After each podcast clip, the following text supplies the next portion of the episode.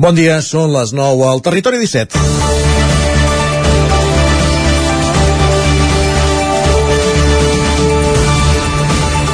És 22 de desembre, el dia que la ludopatia, i els demano que em permetin la broma, està permesa. Avui és la gran festa de la loteria, el dia que històricament hem vist com moltes butxaques s'havien anat omplint de dècims i participacions a l'espera que toqui la grossa que permeti un dels tòpics del dia, tapar forats. L'altre tòpic és acabat el sorteig i veient que el somni tampoc s'ha complert, desitjar-nos salut. És una de les tradicions, començant per la vestimenta i la cantarella dels nens i nenes d'un col·legi de Madrid. Nens que tenen la capacitat d'agafar una bola sortida d'un bombo rere l'altre, llegir-la i cantar en veu alta el número de 5 xifres que hi ha inscrit. Facin l'exercici. Serien capaços de llegir un centenar de números de 5 xifres seguits en poc més de 10 minuts i dir-los tots bé fil per randa? Oi que dubten? Doncs aquestes criatures també. També són humanes i també es poden equivocar. Per, mi, per mi aquí s'acaba el debat. Segurament algú pensarà que peco d'ingenu i que per, i per això hi ha qui ha volgut anar més enllà. En un exercici que trobo del tot inusual, cert que si un dia hi ha friquis al món que surten a la llum és avui, Algú l'any passat es va dedicar a apuntar fil per randa tots els números cantats per les criatures i ahir las va resultar que un dels números cantats ell el tenia, l'havia comprat i l'endemà no sortia a les llistes. Ja em diran quin cúmul de casualitats. Total, que hi va veure una mà negra i ho va denunciar. Li han tombat la demanda perquè Loteries ja adverteix que el que és vàlid són les caixes, amb les boles i les conseqüents llistes que després se'n publiquen, no la cantada. També al·legaven que les boles no eren noves i que podia haver-hi algun número desgastat. Amb tot plegat, val més que sí, que ens ho agafem bé, passem un matí divertit i abans d'anar dinar ens tornem a desitjar salut, tots plegats. És dijous 22 de desembre i comença el Territori 17, pendent d'això que sona de fons, és el so que ens arriba en directe des del Teatre Real de Madrid, on s'ha de fer el sorteig de la loteria de Nadal. Els nens de Sant Ildefons ja estan a punt, escalfant la veu, i ho anirem seguint en un programa que avui, com a mínim, allargarem fins a les 12 del migdia. Seguirem aquest sorteig de la loteria de Nadal, ja ho saben, a la seva sintonia. La dona codinenca, la de la veu de Sant Joan, la de Ràdio Cardedeu, la de Ràdio Vic, la del 9 FM i també a través de l'imatge amb el 9 TV, Twitch i YouTube. Territori 17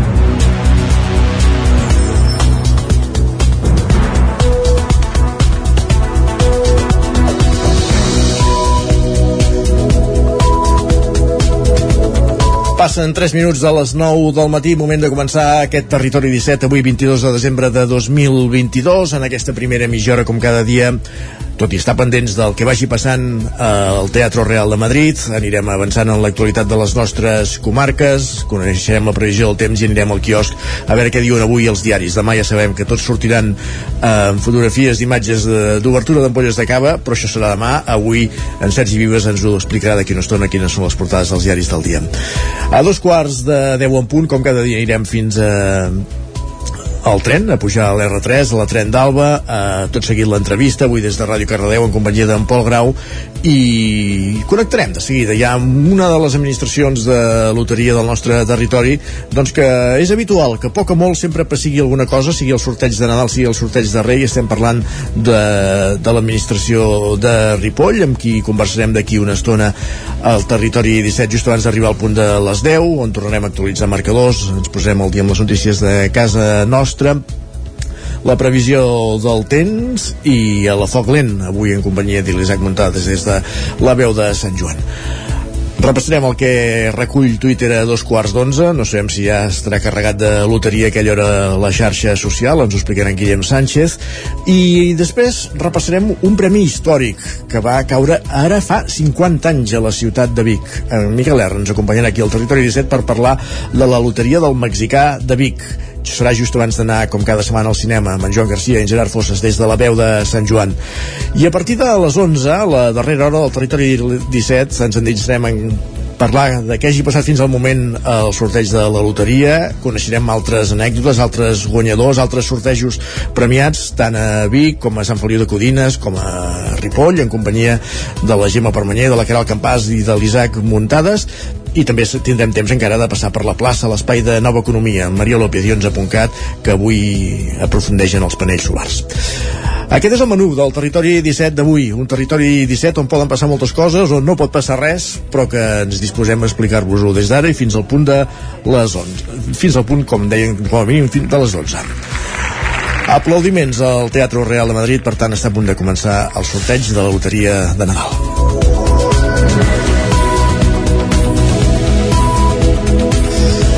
Avui se celebra el sorteig de la loteria de Nadal, com dèiem, al Teatre Real de Madrid. Com sentim de fons, pel que fa a la venda de loteria a Osona, s'ha mantingut estable respecte als últims anys. Sergi Vives. Les administracions de loteria de Vic van tancar dimecres una campanya nadalenca que, segons dades de Loteries i Apostes de l'Estado, s'ha mantingut estable respecte a anys anteriors, situant-se en els 4,7 milions d'euros. A poques hores del sorteig, no, uh, ja està començat. La sensació per part del sector és positiva. Joaquim Avila és l'administració de loteries de loteries número 1 de Vic. S'ha vengut, s'ha vengut bastant, més que l'any passat, i la gent mm, està molt animada, vol treure i, i és una cosa que es necessita, ara en aquests moments es necessita. Avui l'activitat a les loteries ha arrencat a primera hora i pendents del sorteig. Ahir, a últim moment, la gent encara comprava loteria. Joaquim Ávila.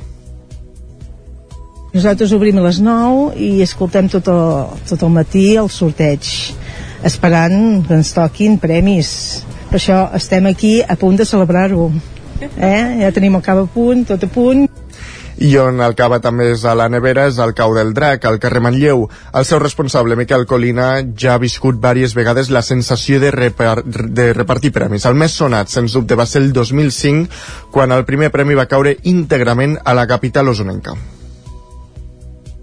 Home, jo espero que sí. Nosaltres estem preparats cada any per, per, per donar-ne. La veritat que estem molt acostumats a donar premis, però mai en tenim prou. Vull dir que sempre treballem igual des del primer dia, com, com no havíem donat mai cap premi, amb aquella il·lusió, amb aquelles ganes, perquè al final és la nostra feina. El més maco d'aquesta feina és poder repartir il·lusió i finalment repartir els premis perquè la gent, doncs, cadascú pugui fer la, les seves cosetes Pendents de si toca o no, la campanya ha tornat a deixar algunes curiositats. Les terminacions més buscades de nou han estat el 5, el 7 i el 9. Així ho explicaven Joaquim Avila i Miquel Colina. Els típics, el 69, el 13, el, l'any del acabament, el 22, que aquest ja es va esgotar fa temps. Sempre solen haver les mateixes terminacions que solen agradar molt, no? La, la més preferida és el 5, tot i que des del 2005 que nosaltres vam donar el premi no ha tornat a sortir de Nadal, però que té l'estadística que és la que més ha sortit, llavors la gent li agrada molt, i el 7 i el 9 són les tres que més, que més agraden, llavors el 8 també agrada molt, el 3, però les més, més, més demanades són el 5, el 7, el 9 i el 13.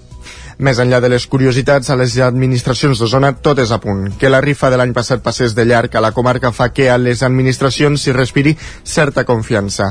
Si la sort torna o no a la comarca ho decidiran les boles d'un sorteig que fa uns moments que ja estan girant al Teatre Real de Madrid. De fet, el que estan fent ara encara és omplir els bombos de, de boles, estan en els moments previs a l'inici del sorteig, ho anirem seguint des d'aquí, com dèiem, des del territori 17.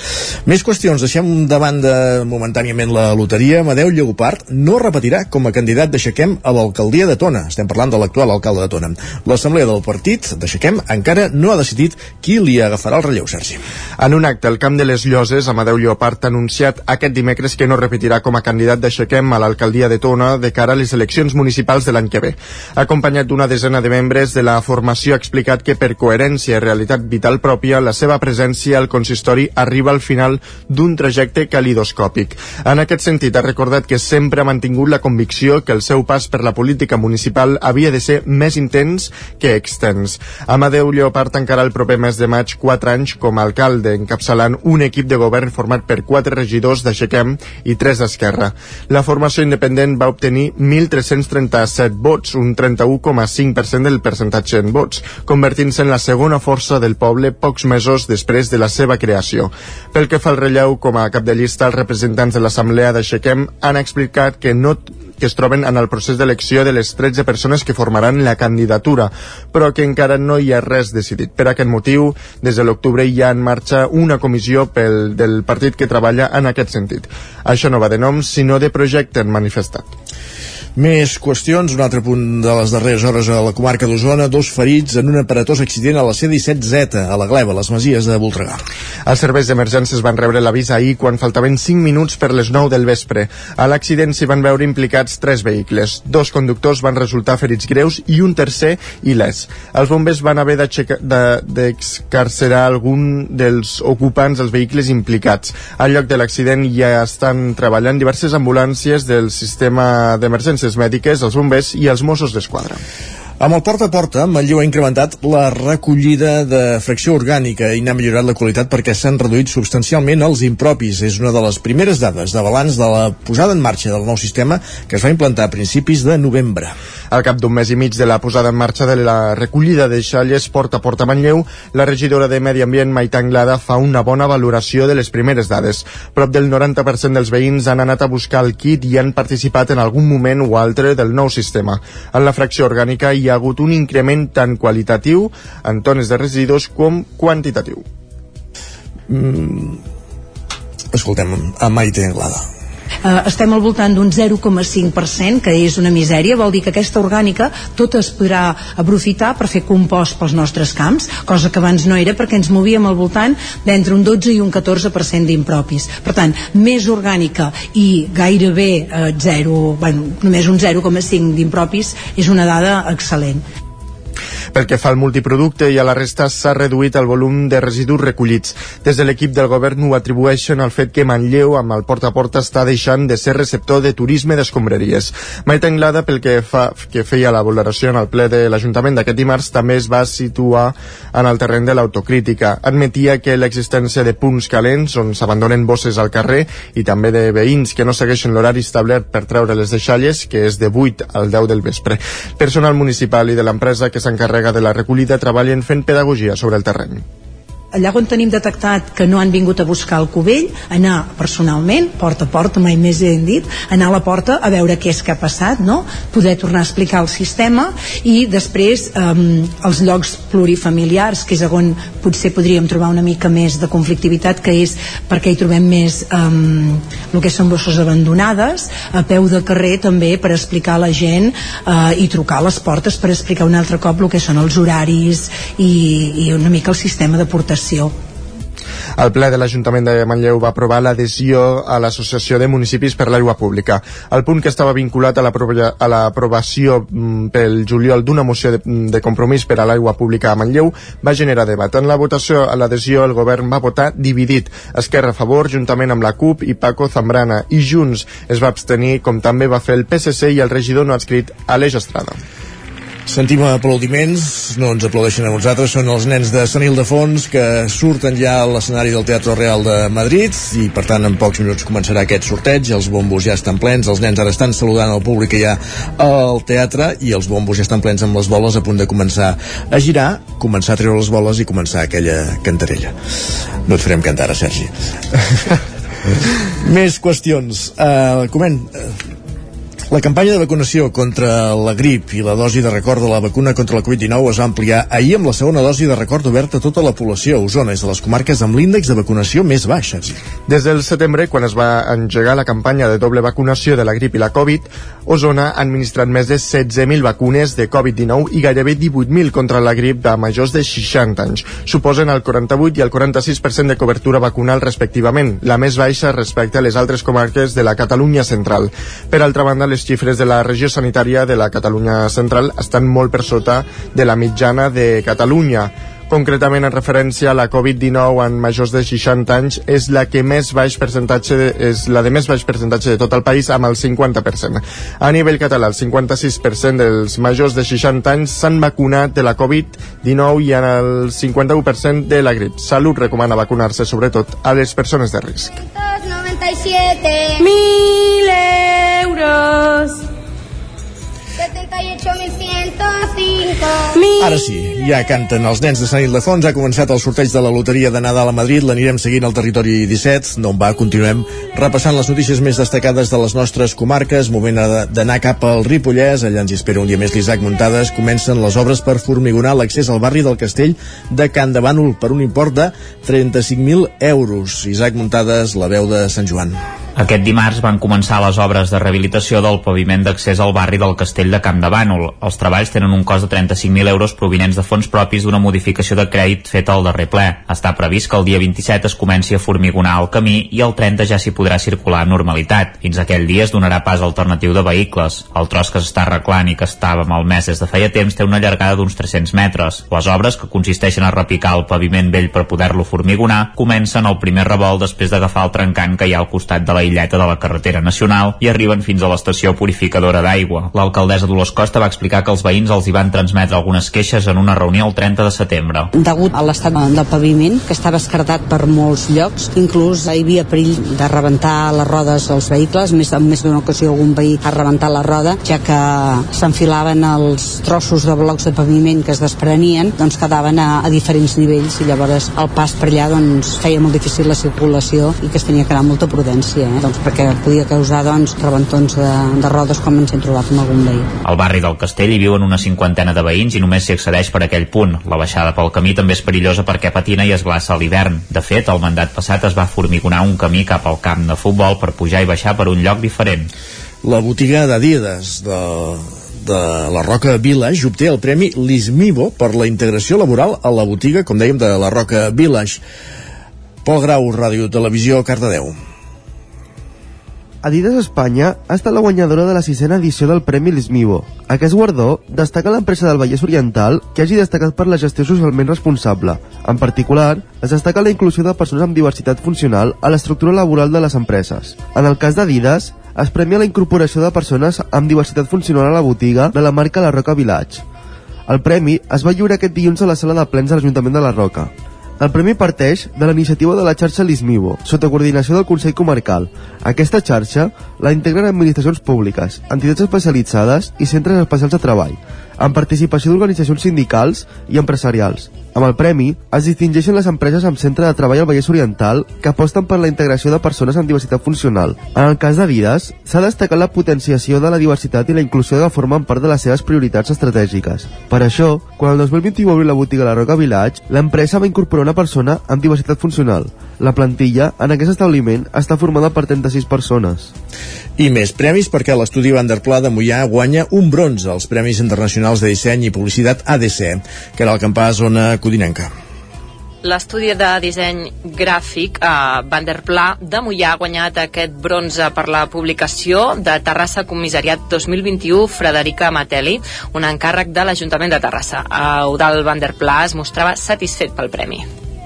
Uh, ho valorem molt positivament. Uh, sincerament, fa molts anys que treballem, uh, no ens havíem presentat mai aquest concurs i aquest any ha sigut el primer que ens hem presentat i, i ens han donat els premis, vull dir que molt contents. La publicació es caracteritza per la seva radicalitat tipogràfica i cromàtica de temàtica futurista i disruptiva, tot respectant la identitat visual del cicle d'art contemporani de la sala Montconill. Van der Pla parla del paper que hi ha jugat l'estudi de Mollà. I això és un cicle de comissariat que fan a Terrassa, a la sala Montconill.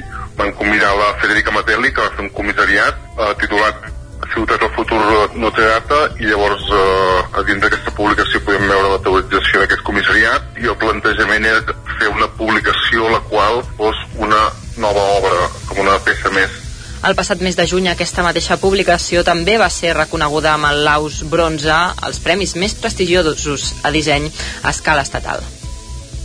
Gràcies, Caral. Nosaltres acabem aquí aquest repàs informatiu, tot recordant que estem pendents del sorteig de la grossa de Nadal que s'està fent al Teatre Real de Madrid. Els primers nens de Sant Ildefons, la primera taula ja han omplert dues files. Continuen sortint premis, per ara cap dels premis principals. Tots els que van sortint són els de la menudalla, que en diríem, però ho anirem seguint des d'aquí al Territori 17. Com dèiem, acabem amb aquest repàs informatiu que hem fet en companyia de Caral Campàs, Isaac Muntades, Pol Grau i Sergi Vives. Moment de conèixer la previsió del temps. Per la qual cosa anem fins a una codinenca. Saludant Pep Acosta.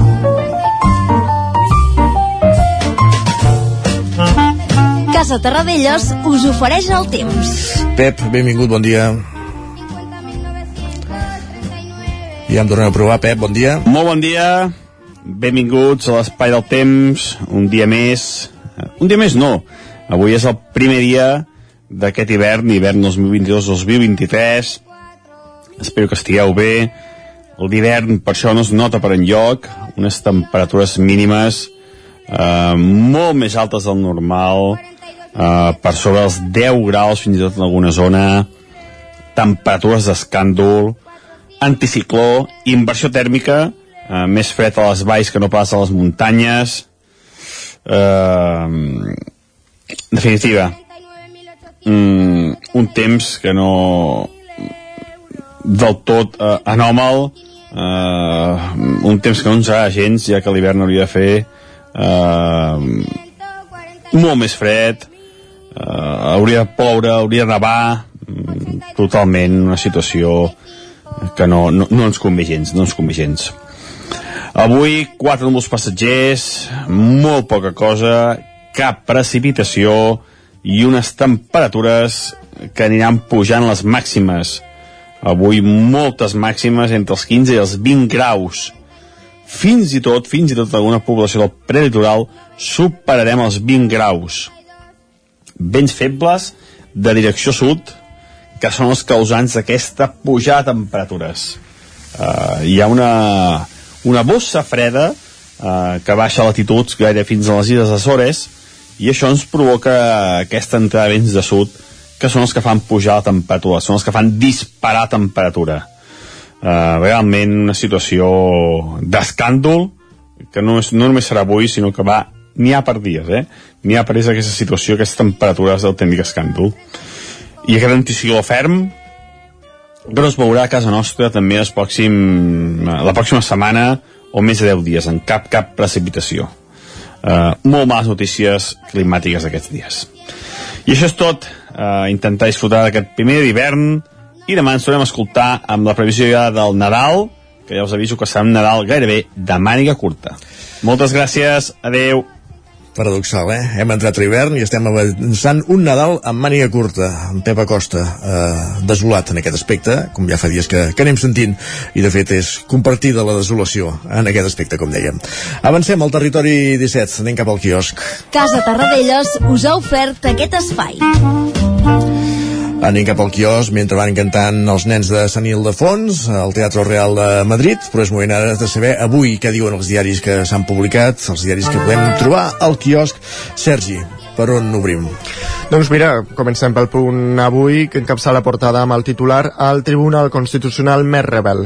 Expliquen que desestima la petició del Senat per votar la renovació dels seus magistrats. Afegeixen que els blocs es mantenen i la resolució s'aprova per només un vot, 6 a 5 i destaquen la distància curta de, Zelens de Zelensky expliquen que el líder ucraïnès demana més armament cara a cara amb Biden. De fet, aquí veiem la foto de quan Joe i Jill Biden van rebre ahir a Zelensky a la Casa Blanca.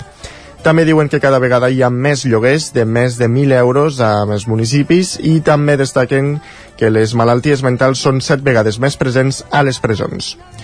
El periòdico explica mm, que el govern espanyol prepara un paquet de reformes per assegurar els fons. També diuen que Biden reclama Zelensky, expliquen que el president dels Estats Units rep a la Casa Blanca el d'Ucraïna i anuncia un subministrament de missils de defensa Patriot. Uh -huh. També destaquen que la crisi judicial lliga el suport d'Esquerra a Sánchez. I també diuen que Junts s'escuda en Borràs per despenjar-se dels pressupostos del Parlament i com a punt esportiu expliquen que Busquets planifica el seu adeu al Barça per anar als Estats Units algú deia ahir fins i tot que s'havia plantejat marxar ja, eh? Perquè després del fracàs del Mundial, però vaja, veurem com evoluciona tot. Ah, això mateix. La Vanguardia explica que l'OMS es declara molt preocupada per la nova onada de Covid a la Xina. També diuen que Sánchez i Feijó es complen mútuament de posar en risc les institucions. També expliquen que la Generalitat rep un 14% dels fons europeus que assigna l'Estat i diuen també que Ucraïna aconsegueix els míssils Patriot que reclamava als Estats Units. Lara explica que Sánchez accelera la nova via per reforçar els relleus al Tribunal Constitucional.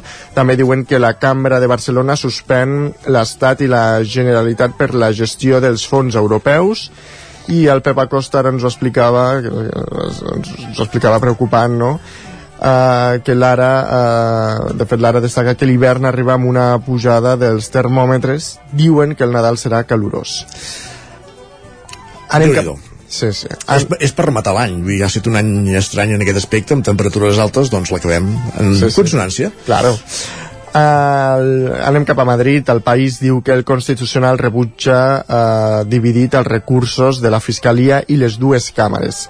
També expliquen que Biden recolza a Zelensky en la seva cerca de pau i diuen que la factura del sopar de Nadal és un malson. Expliquen que productes com el xai, el besuc o els polvorons disparen els seus preus.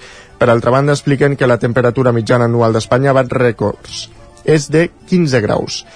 L'ABC diu que Zelensky es planteja a la Casa Blanca per tornar amb els míssils anti-Putin i per altra banda diuen que el nou model universitari es sotmet a les demandes dels nacionalistes. Expliquen que la llei que s'aprovarà avui al Congrés borra qualsevol al·lusió al territori nacional i rebaixa els requisits per ser inspector. El Mundo, en relació als whatsapps compromesos del cas Azud, diuen que el tresorer del PSOE de València va amanyar contractes en l'etapa de Ximo Puig. També expliquen que Biden arma a Zelensky per aconseguir una pau justa. I també diuen que els funcionaris seran avaluats cada any i podran perdre el sou. De fet, expliquen que si suspenen la prova de compliment obligatòria de forma continuada, perdran el seu nivell i el salari. Carai. La Razón diu que el govern espanyol llança un pla d'atacs personal contra Feijó. Expliquen que ministres i assessors utilitzen dinars i reunions amb el poder econòmic i social per desqualificar el líder del PP. També expliquen Una que... pràctica mai vista en política. No, i que això també sigui titular... Eh, Sí, sí, per això mateix.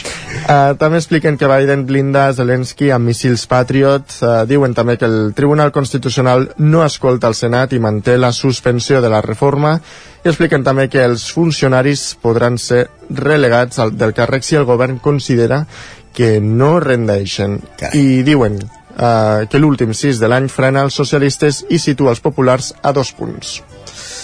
Doncs perfecte. Sergi, tenim 20 segons, podem llegir algun titular de la 9.cat? Sí, a Osona, el Ripollès, ens expliquen eh, aquests 50 anys de la grossa del mexicà. En parlarem durant el programa amb, Miquel, amb en Miquel R. I al Vallès Oriental ens expliquen que hi ha més presència policial per evitar furts en zones comercials per Nadal. Dit tot això, fem una pausa i tornem d'aquí 3 minuts. El nou FM, la ràdio de casa, al 92.8. Amb Pradell estalvio energia i cuido la meva butxaca i el medi ambient. Posa't en mans de Pradell. Són experts en calderes de gas i condensació, estufes de pèl·let, energia solar, terres radiants, geotèrmia i aerotèrmia. Pradell instal·la calderes de biomassa per a particulars i per a empreses. Si vols estalviar un 50% en consum, contacta amb Pradell i passa't a les energies renovables. Pradell som a l'Avinguda Països Catalans 27 de Vic. Telèfon 93 885 1197. Pradell.cat. Us desitgem bones festes. Cobertes serveis funeraris. Els nostres tanatoris estan ubicats en els nuclis urbans més poblats de la comarca d'Osona per oferir un millor servei. Tanatori de Vic, Tanatori de Manlleu, Tanatori de Centelles i Tanatori de Roda de Ter. Sabem que són moments difícils i per això el nostre compromís és atendre-us en tot moment amb un tracte humà, sensible i respectuós. Cobertes serveis funeraris. Telèfon 24 hores 93 883 23 46. Has esperat que arribi el fred per comprovar si et funciona bé la caldera? No pateixis, a Casa Jové som especialistes en manteniment, reparació i revisió d'equips d'aigua calenta i calefacció, tant en l'ambient domèstic com industrial.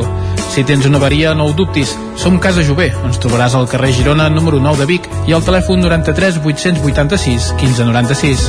Casa Jové, el teu servei tècnic de confiança. Això del Nadal són ximpleries. Però jo de vosaltres escoltaria la meva història a la vostra ràdio local. Esquer, un conte de Nadal. Aquest diumenge, dia de Nadal, a les 7 de la tarda.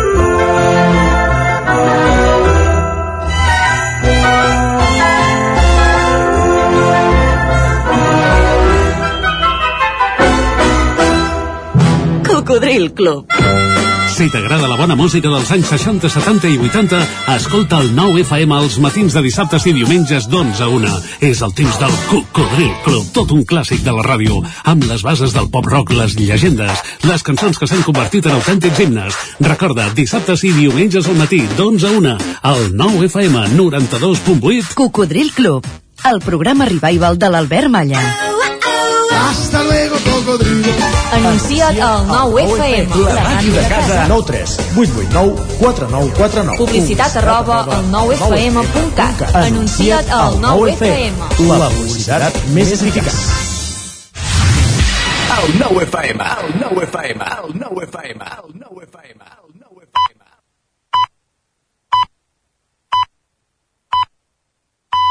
Territori 17.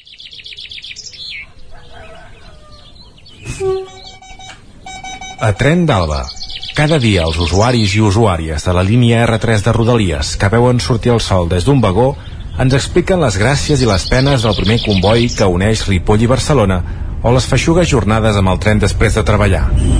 Benvinguts a Tren d'Alba. Sabíeu que l'actriu Jenna Ortega va utilitzar una tècnica infal·lible per interpretar el paper de Miércoles Adams i fer una cara de pomes agres i força inexpressiva cada cop que sortia en pantalla a la sèrie Miércoles? Doncs bé, per interpretar aquest personatge ombrívol i sense cor, tal com ens diu el tuitaire Enric de Catalan Things, va haver d'agafar el tren de Rodalies durant tot un trimestre. Normal que tingués aquests instints tan assassins. Va, us deixo amb l'última crònica de l'any, cortesia d'en Carles Bassaganya. Bon dia, bona hora. Quan el director del programa em va demanar de fer la darrera crònica de l'any, que s'esqueia precisament eh, el dia de la loteria, el dijous, li vaig dir que no sabia si li podria acabar fent, precisament perquè tenia una reunió a primera hora, malgrat que el tren hauria d'arribar a l'hora, posar-se a reunions a primera hora sempre té risc. En el meu cas, el tren que surt de Ripoll i que hauria d'arribar doncs, a l'estació de Sants al voltant de les 9 i 10, com us podeu arribar a suposar, no sempre es pot complir aquesta hora. I, en el meu cas, tenia la reunió precisament a dos quarts de 10. Per tant, li vaig dir, no sé si et podré fer la darrera crònica de l'any, perquè de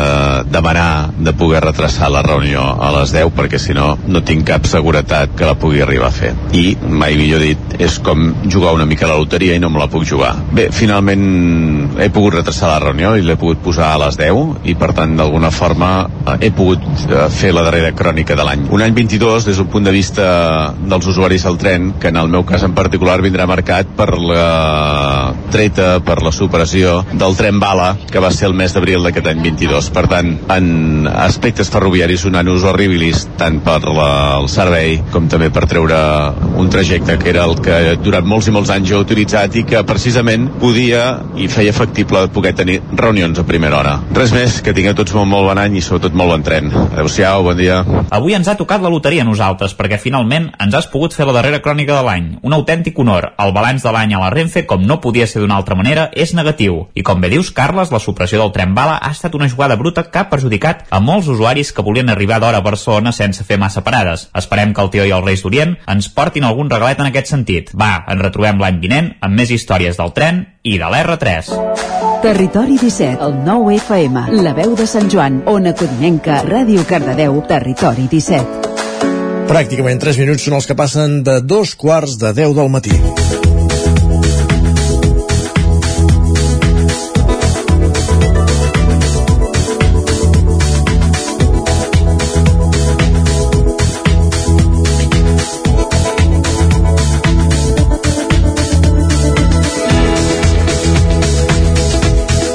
I pendents del sorteig del Teatre Real de Madrid de la loteria de Nadal, encara no ha sortit cap dels premis principals, ni la grossa, ni el segon, ni el tercer, ni els dos quarts, ni cap dels vuit cinquens, i el que fem, per tant, és endinsar-nos cap a l'entrevista. Avui ens acompanya eh, al costat d'en Pol Grau, als estudis de Ràdio Televisió Cardedeu, la Susana Cabiscol, coordinadora del projecte Onda ODS a Catalunya, un projecte estatal que vol visibilitzar les iniciatives que donen a projectes relacionats amb els objectius de desenvolupament sostenible a l'Agenda 2030. Pol Grau, Ràdio Televisió Cardedeu, bon dia. Bon dia, Isaac. Com estem? Bé, aquí un altre cop. Molt bé. doncs, sí, avui a l'estudi de ràdio avui tenim a la Susana, col·laboradora, col·laboradora de Ràdio Televisió Cardedeu i que més encapçala aquest projecte d'ODS La Susana, la Susana és periodista i productora audiovisual i també col·labora a la, a la tele amb el projecte Objectiu Paqui en el que fa de regidora i productora. Bon dia, Susana. Hola, bon dia. Abans, per començar, què, què és el projecte Onda, DS, Onda ODS i qui en forma part?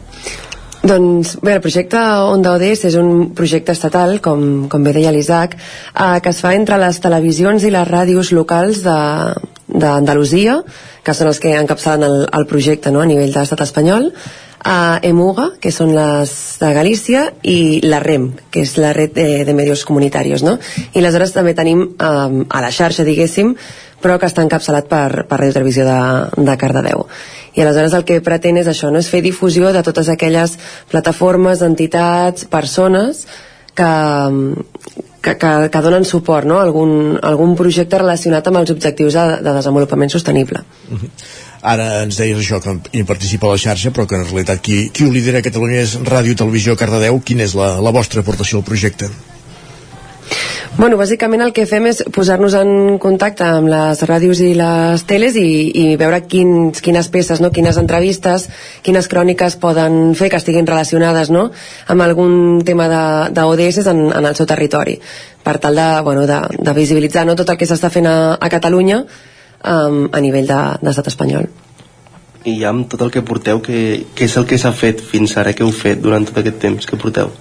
Bueno, ara de fet eh, ja tenim per exemple tots els, la part de vídeos ja està, ja està tota feta i estem acabant tot el contingut radiofònic, no? que encara ens queden entrevistes i, i peces de, de dos minutets de ràdio que són de temàtiques de, de dones i de, de, de clima, de bona climàtica, d'emergència climàtica. Uh -huh. I tots aquests continguts, on els podrem escoltar, veure, quan i per quins canals, per entendre'ns? Doncs aquests continguts estan d'entrada als, als vídeos, um, bueno, tant els vídeos com, com les peces de, de ràdio sí que estan disponibles a la plataforma Sonando Local i també a la web uh, ondaods.org. Després, a part, eh, nosaltres a nivell Catalunya sí que eh, compartim tot aquest contingut amb, amb la xarxa de televisions locals, és a dir, que tots els mitjans que formen part de la xarxa podran tenir tot aquest contingut al, al, al xarxa mèdia, diguéssim, que és la plataforma que fem servir per compartir el contingut, i aleshores tothom en podrà, bueno, les podrà emetre i podrà fer difusió eh, com vulgui. Aleshores, de moment ara els vídeos ja estan tots, i ja estan a disposició de tothom. I les peces de ràdio mm, jo crec que ja a principis de l'any que ve ja, ja ho tindrem tot també. Un dubte, uh, perdona Pol Digues. anava a demanar Susana uh, el tema lingüístic com s'ha resolt en aquest projecte? Bé, del que es tractava era de que tothom es pogués expressar en la seva llengua. Aleshores, nosaltres tot el nostre contingut l'hem fet en català, a Galícia l'han fet en gallec, i, i aleshores, eh, bueno, els, eh, hi ha mitjans de la REM que són de País Basc, és a dir, que ho han fet en euskera, tothom ho ha fet en la, en la seva llengua i sí que, per exemple, en el tema de vídeos um, es posaran subtítols. O sigui, sí que cadascú el fa en la seva llengua, però sí que es podran trobar subtítols en totes les, les, les altres llengües que han participat en el projecte. En, pel que fa a la ràdio, doncs, mm, contingut en català, contingut en gallec, contingut en castellà i, i en euskera. No hi ha subtítols a la ràdio. No. eh, a part de crear tots aquests continguts de ràdio, de tele i de vídeos, també feu trobades amb tots els socis dels projectes. En, on els heu fet i en què consisteixen?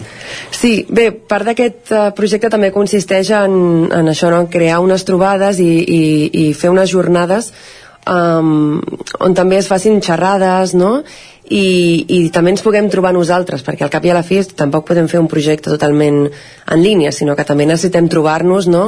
reunir-nos i, i després bueno, compartir coses. Aleshores la primera reunió que vam fer va ser a, a Madrid que va ser com l'inici del projecte. Uh, la segona la vam fer a Granollers que vam coincidir amb el Mercat Audiovisual de, de Catalunya.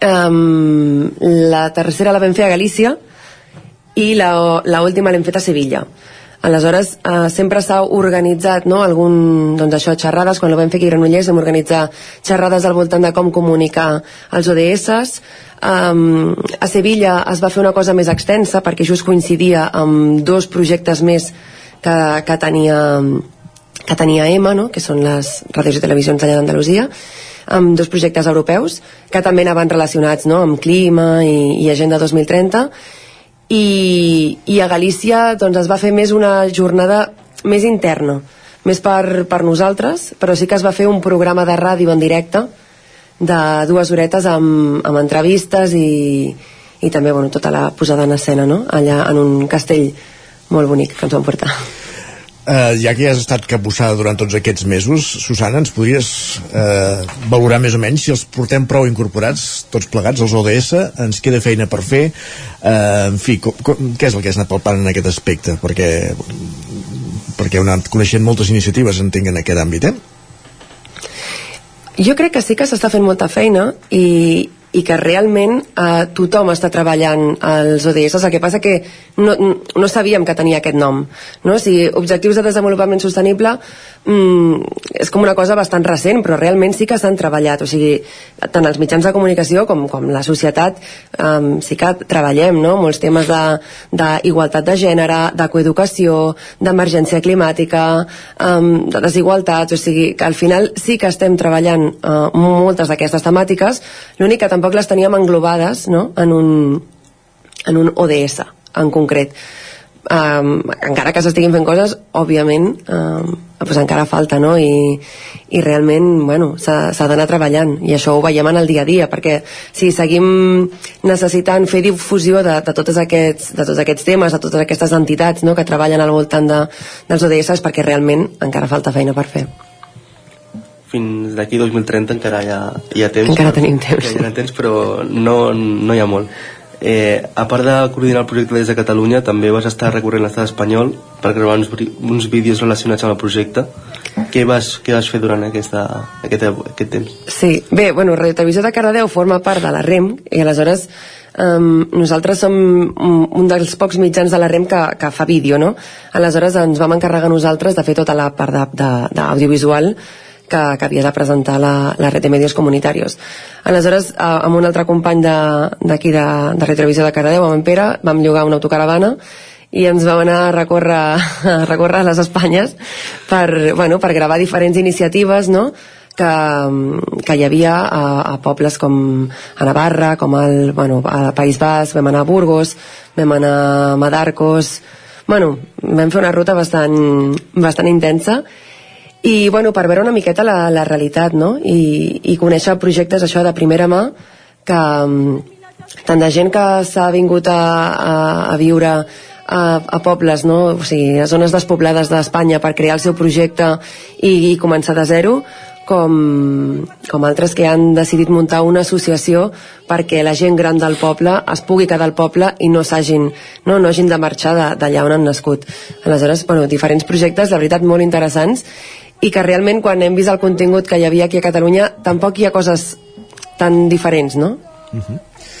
uh, ara, ara el projecte entenem que està en aquesta fase de, de finalització, diguéssim, d'haver creat tots els continguts. Acaba aquí o creieu que pot tenir una certa continuïtat d'alguna manera? Um, bé, en, en teoria hauria de seguir amb un segon projecte, però encara està per, per veure, perquè totes aquestes coses sempre van bastant, bastant lentes, però en principi sí que sí que s'ha de renovar el projecte i hi haurà una segona part, el que no sabem encara és com, bueno, cap a on anirà, no? Quin, quins són els continguts que s'hauran de crear ni com, ni com estarà enfocada. Perquè de quants continguts estem parlant? Hem parlat de continguts de vídeo, d'àudio, quants... Ràdio Sí, tenim eh, 15 peces de vídeo, uh -huh. eh, 15 entrevistes de ràdio i després 30 peces de dos minuts de, de ràdio, que són 15 d'Ona Dones i 15 d'Ona Climàtica. Doncs tot aquest contingut forma part d'aquest projecte Onda ODS impulsat per les televisions i pels mitjans locals de, de l'estat espanyol des de Catalunya impulsats per Ràdio Televisió Cardedeu eh, i, i amb el suport de la xarxa al darrere i n'hem parlat, hem aprofundit avui amb la Susana Cabiscol des dels estudis de Ràdio Televisió Cardedeu moltes gràcies Susana a vosaltres tens molts dècims de loteria o no? Ui, estàs pendent del sorteig? Un parell. Un parell? Un parell. Bueno, doncs ja si els canten. Gràcies per acompanyar-nos un dia més. Que vagi bé. Gràcies, Pol, també per ser avui amb nosaltres. Parlem més tard. A tu. Fins ara. Que vagi bé. I avancem aquí al territori 17. Va sonant la cantarella dels nens de Sant Ildefons i, de fet, el que farem tot seguit serà parlar amb una administració que moltes vegades, que algunes vegades ha, ha estat notícia en dies com avui o en dies com els del el sorteig de Reis. Tot aquí al territori 17.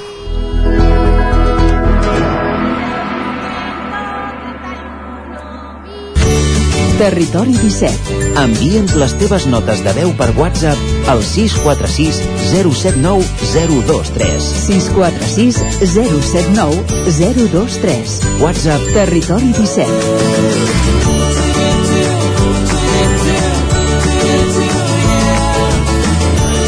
Territori 17. Som a Facebook, Twitter i Instagram amb l'usuari Territori 17.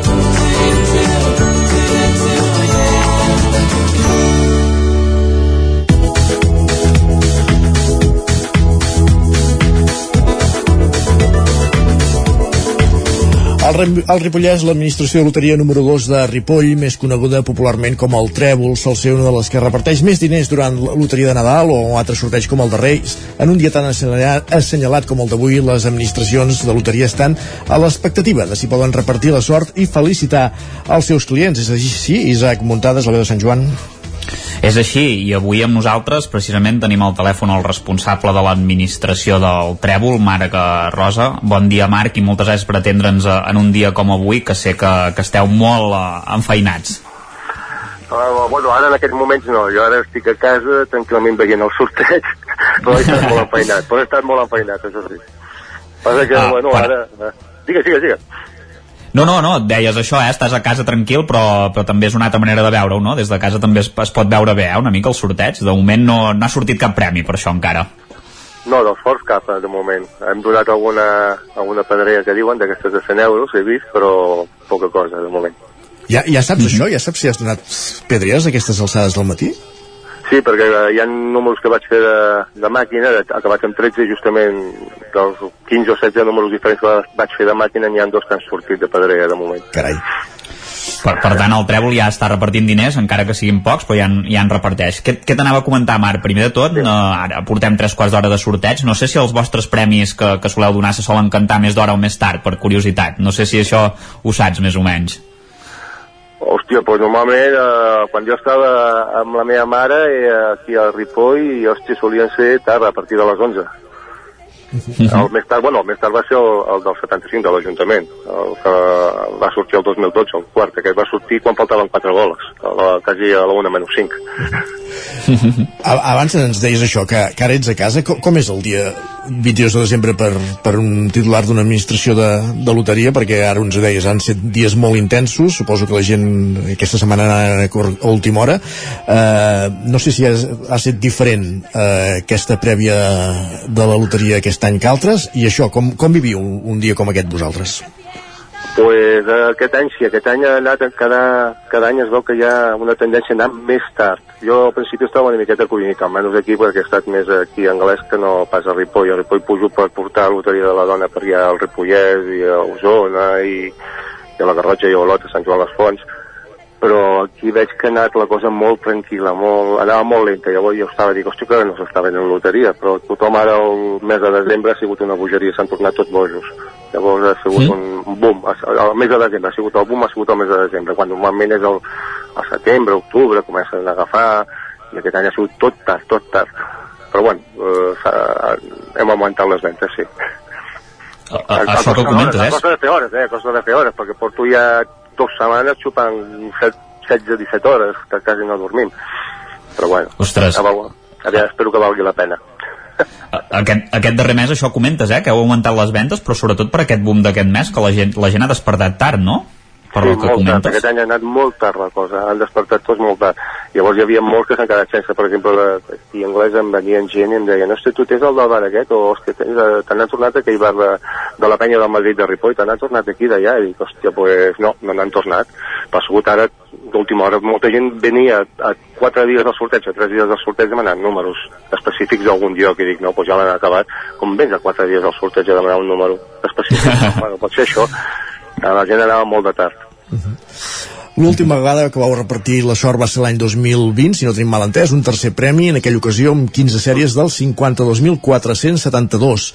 Alguna curiositat d'aquest? Mm, Algun record d'aquell dia? pues jo enorme, perquè eh, estava a Ripoll jo, que era en pandèmia, que no podíem circular gaire, i la dona feia un mes que li havien donat la loteria d'aquí anglès. I al cap d'un mes ella donava també el mateix premi que nosaltres i, i ja tenim el titular del matrimoni de la sort, una Ripoll a l'altre anglès, a la selva, i hòstia, va ser un, molt emocionant perquè van entrevistar de totes mots de TV3 també, em va fer una videoconferència que jo feia ja uns quants dies que no veia la dona i ens van fer una videoconferència en directe a la tarda mentre jo estava a Ripoll i ella estava aquí a anglès i molt maco, molt maco va ser Perquè això que ens expliques, eh, per entendre'ns, eh, si sou una parella que viviu, que sou un de Ripoll i l'altre d'anglès, teniu dues administracions i entenc que viviu anglès, eh, pel que ens dius ara? Uh, sí, ara jo, ja com que a, a costa de, gràcies al premi aquest que va donar dona al cap d'un mes, va haver-hi un boom aquí, perquè era, aquesta d'anglès era la pitjor loteria de tot Girona. Uh -huh. I a causa d'això, que llavors ja la gent va conèixer que qui estava darrere també amb la dona era el de Ripoll al Marc, pues ha tingut un boom de feina i jo ja vaig deixar, diguem-ne, he deixat el trèvol i ara estic aquí dedicant-me a anglès i pujant en ventes aquí a anglès i donant premis aquí a anglès. I repartir-los també al Ripollet i a Osona, perquè els que són clients meus pues, continuen sent clients meus. Molt bé. Ah, de fet aneu gairebé ah, en el cas del Trèvol aneu gairebé un premi per, per any en l'última dècada no? ja sigui de la loteria de Nadal o de, o de qualsevol altre sorteig no? vull dir que repartiu sí, sí. quasi bé, gairebé cada any la sort eh? No, jo vaig estar calculant eh, i el temps que vaig estar del 2010 fins al 2000 mitjans de 2020, que va ser l'últim que va tocar de Nadal, que vam repartir els dos, tant la dona com la meva mare, eh, anàvem a un promig entre de la Nacional i Nadal a, a quasi dos, a dos per any de promig. Un any potser van ser tres, un altre van ser un, però un promig de, de dos per any, eh, des del 10 fins al 2020. Ara aquí anglès espero que eh, fem el mateix. De moment ja portem en dos anys un. A veure si ara aquest és el, el segon. Abans parlàvem del 52.472 del 2020 i en canvi el 23.475 de l'any 2012 què et diu? Perquè tenim entès que va ser un dia especial per l'administració, el Trèvol. Sí, perquè va tocar dues vegades. Havia tocat el 18 d'agost, de dissabte, i llavors va tornar a repetir per, per Nadal el, el quart premi de Nadal al cap de quatre mesos quasi, quatre mesos i quatre dies. I molta gent no el volia quan el veia perquè clar, encara teníem el cartell penjat de l'agost el veiem per Nadal i diu, hòstia, això ha sortit fa quatre mesos no tornarà pas a sortir. I dic, hòstia, jo per l'agost no el portava però jo per Nadal, jo personalment eh? jo per, per Nadal fa 20 anys que el jugo i el continuaré jugant, jo sóc del 4 del 75 i de l'abril del 75 i aquest el jugo per Nadal, a l'agost no i va tornar a repetir. I va ser un boom perquè a sobre també el portava jo i el portava els meus sogres de Galícia portava, bueno, molta gent, moltíssima gent va tocar va, va repartir molts diners aquest, en Marc? Què va repartir? Quants diners va repartir, sí, si te'n recordes? Sí, aquest va ser tot el número, menys una fulla que està a Galícia, que el tenen a Redondel, em sembla, les, les 179 fulles que hi havia estaven aquí a Ripoll, van ser totes venudes, 179 fulles a, a 200.000 euros a la fulla, doncs van ser 30 i pico milions d'euros repartits uh -huh. al Nadal, eh? I llavors l'agost doncs, van ser la sèrie La Fracció, més tot el número, doncs, que haurien de ser també uns 8-9 milions d'euros també a l'agost, amb el mateix número. Uh -huh. Qui, quines supersticions, Marc, té la gent quan ve a comprar la loteria? No sé quins són els números més macos i, i que et demanen més. Ara em comentaves això, eh, que hi ha gent que es desperta a última hora i et demana dates especials, que evidentment ja no podeu tenir perquè doncs, han arribat tard. No sé quins, quins números són els, més, els que et demanen més. Els que solen demanar més són els típics de sempre, el 13, el 69 i el 15. Aquests són els que sempre demanen, tot Déu. I, i, i encara també els demanen a, a última hora. Dic, hòstia, això si m'ho dius el juliol d'agost, vale, però ara que pots trobar un 13, un 69 i un 15 no surten ni de màquina. Els demanen a una setmana del sorteig. Això és sempre el més demandat. Però llavors eh, el que la gent tira és els 7, els 5, és el que sol tirar la gent. El que més demana són 7 i 5. Ara que deies el tema de, de la màquina, eh, els últims anys hem anat veient això, quan surt un número gros que cliques a, a la web de, la, de, de loteries i et diu totes les administracions on està venut, a vegades ens trobem això, un carrusel, eh, desenes sí. llargues d'administracions per tot Espanya, i és això, el fet de, de poder comprar un número des de qualsevol terminal de, de la xarxa a qualsevol punt de l'estat espanyol això li ha, li ha restat glamour una mica el que és el sorteig de Nadal, com ho veieu vosaltres? Per mi sí, des de que van fet els números per terminal això ha perdut molt, a part que el que tu dius, que surt i diu, hòstia, ha tocat aquest dit, surten eh, 100 o 200 jocs on ha tocat, diu, sí, però clar, l'interessant és que toqui com nosaltres, quan va sortir, per exemple, el 750 quan estava a Ripoll, el 2019, la tercera de Nadal, aquest com a dècim només el teníem nosaltres aquí a Ripoll. Nosaltres en van vendre 30 i pico fulles com a dècims i resulta que moltes administracions havien fet un sol dècim de terminal i llavors surten les típiques de manualites o sols o coses d'aquestes, no? Uh -huh. I que això, no té, el que diu Dius, no té glamour, no té interès. És el nom, la propaganda, la marca, però diuen, no, és que, que n'han venut un i demà que no em fotis, jo he venut 15, 20, 30 fulles. No ha tocat una persona, ha tocat amb moltíssima més gent. Això, és, això de la màquina a mi no, no és una cosa que em convenç. Mai m'ha convençut, vaja. Jo el dècim és el dècim. Eh, Abans deies això, aquestes terminacions, el 13, el 69 i el 15, i aquest any, aquest 2022, alguna en especial? De terminació? El 22, però, lògicament, a part dels 13, 69 i, i, i el, i el 67 també el solen demanar bastant, però el 22, clar, si l'any 22 tothom demanava el 22. Nosaltres, de fet, teníem, tant aquí a Anglès com a Ripoll, corria un número que pràcticament està tot venut al Ripollès aquí a la Selva, que és el 5.822, i aquest ha volat, hauria ser una data de l'agost, o el 5 de l'agost, de- del 22, i aquest ha volat, però rapidíssim. Aquest no, al setembre ja no en teníem d'aquest. Uh -huh. uh, a- avui no sé si teniu algun tipus de ritual una mica per atraure la sort. Uh, tu em comentaves, eh Marc, que estàs des de les 9 del matí davant de la televisió mirant, mirant el sorteig. De moment sembla que la sort es, està esquivant a tothom, eh? però no sé si teniu el, el, el, algun ritual perquè ja portem gairebé una hora i no ha sortit uh, cap premi, ara ho acabo de mirar. No sé si No, no, no, jo esteu estic fent davant de la tele, estic davant de la tele, no ha sortit cap encara. Però rio, rio, perquè tampoc em sonen els que estan sortint, o sigui que així també estan encara en el bombo per poder sortir. No, ritual no, jo eh, justament eh, avui quan m'he aixecat així, anava mirant i dic, hòstia, tu, vaig veure dos, dos notícies, la del 750 i la del, el del 2019 i la del, la del 2020, i dic, hòstia, mira, avui farem una, una superstició. Va. Vaig agafar una camiseta interior d'un any i la camiseta exterior de l'altre any, dels dos premis. Mm. I això porto Ostres. ara. És el que porto ja, ja ho portes posat va. Sí, o sigui, sí, si ja, toca va, ja ja, sabem de... ja, ja. Ja, si toca ja sabem d'on ve, doncs, d'aquesta superstició. Ostres, molt bona aquesta. Sí, sí, doncs, eh, normalment sempre alguna de les dues portava, doncs aquest any porto les dues. He fet una combinació de l'interior i l'exterior. Molt bé. I, i, i el que et volia demanar, el fet aquest que dèiem ara, eh, que aquestes alçades, em sembla que encara, no sé si estem a la primera o a la segona taula, em sembla, eh, que diria que encara la primera, eh, que aquestes alçades de sorteig no hagi sortit cap dels números, és normal, eh, vol dir alguna cosa de cara als supersticiosos, tens alguna idea No, en aquest mi- aspecte? A mi m'encanta que, que tardi una miqueta, perquè, hòstia, si surt massa d'hora ja treu l'emoció. Jo, quan més tard surti millor. Es manté l'emoció, és com el partit de futbol o, o, qualsevol cosa d'aquesta. Dius, hòstia, si comencen ja matxacant el, al punt de tal, a la mitja part ja te'n vas, dius, això ja no té emoció. Eh, aquí es manté la, l'ànima i jo de fet ara quan acabi de fet aniré a veure la dona aquí a la loteria veient com està el tema i ja, se'm deixa anar a fer una ronda de bars bé. a veure els clients i a saludar-los, a prendre alguna cosa i com em va tocar una vegada una, una altra superstició de les meves estava a l'Esnat Ramon de Ripoll i, i dic, ostres, mama, me'n vaig a rentar la cervesa perquè aviam si s'il·lumina la verge, perquè al cap estem donant pals per tot arreu però no, no acaba de sortir. I el del bar em diu, hòstia, tu Marc, eh, aquest no és el número que teniu vosaltres fix aquí? I jo mentre jo estava mirant el rellotge dic, hòstia, faltaven quatre boles. Dic, hòstia, puny, si m'ha tocat és aquest. Doncs, pues, eh, pues, aviam, potser estic en algun lloc i toca. I per, I per tant, que tu ets els que t'agradaria que la grossa es faci esperar què? Cap allà a quarts d'una? O abans per anar bé? Home, sobre les 11. Sobre les 11. 12, 11, 12 és, un, 12 és una bona hora, les 12. Molt bé. Que llavors és l'hora del vermut i ja pots celebrar-ho bé i. I... ja pots treure el cava, també. Exacte. Ara, ara és molt d'hora, Ah, potser, molt encara per veure. matí, Ja tens de fotre-li a veure, però va ser que no. Però Sí. sí. el de bon de matí el que fem llet. Eh, els cinquens, diguem-ne, va. De bon de matí un cinquè per fer un xocolat amb xurros o alguna cosa. Però no, eh, així és la grossa millor que sigui a partir de les 12 a l'hora del vermut. Marc Rosa, durant molts anys a l'administració número 2 de Ripoll, la del Trèvol, ara ens deies a, a anglès. Gràcies per ser aquest matí de, de loteria de Nadal amb nosaltres per compartir aquesta experiència.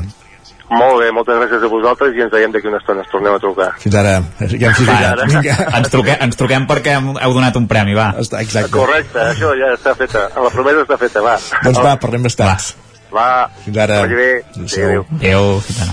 Avui és un dia de sort, però també hi ha qui canta que no cal que ens faci falta. Ho cantava Ricard Puigdemec i, de fet, aquesta cançó donava títol a un disc. No ens faci falta la sort, fins a les 10 al Territori 17. Pares tres carrerons de oh, tant de bo no faci falta la sort, tant de bo no faci falta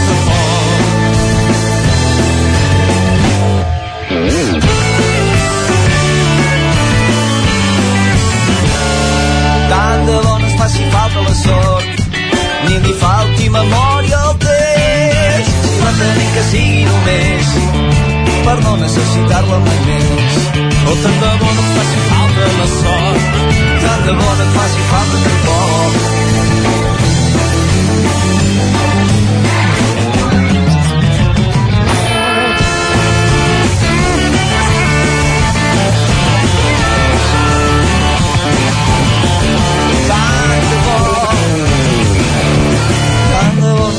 Et faci falta la sort.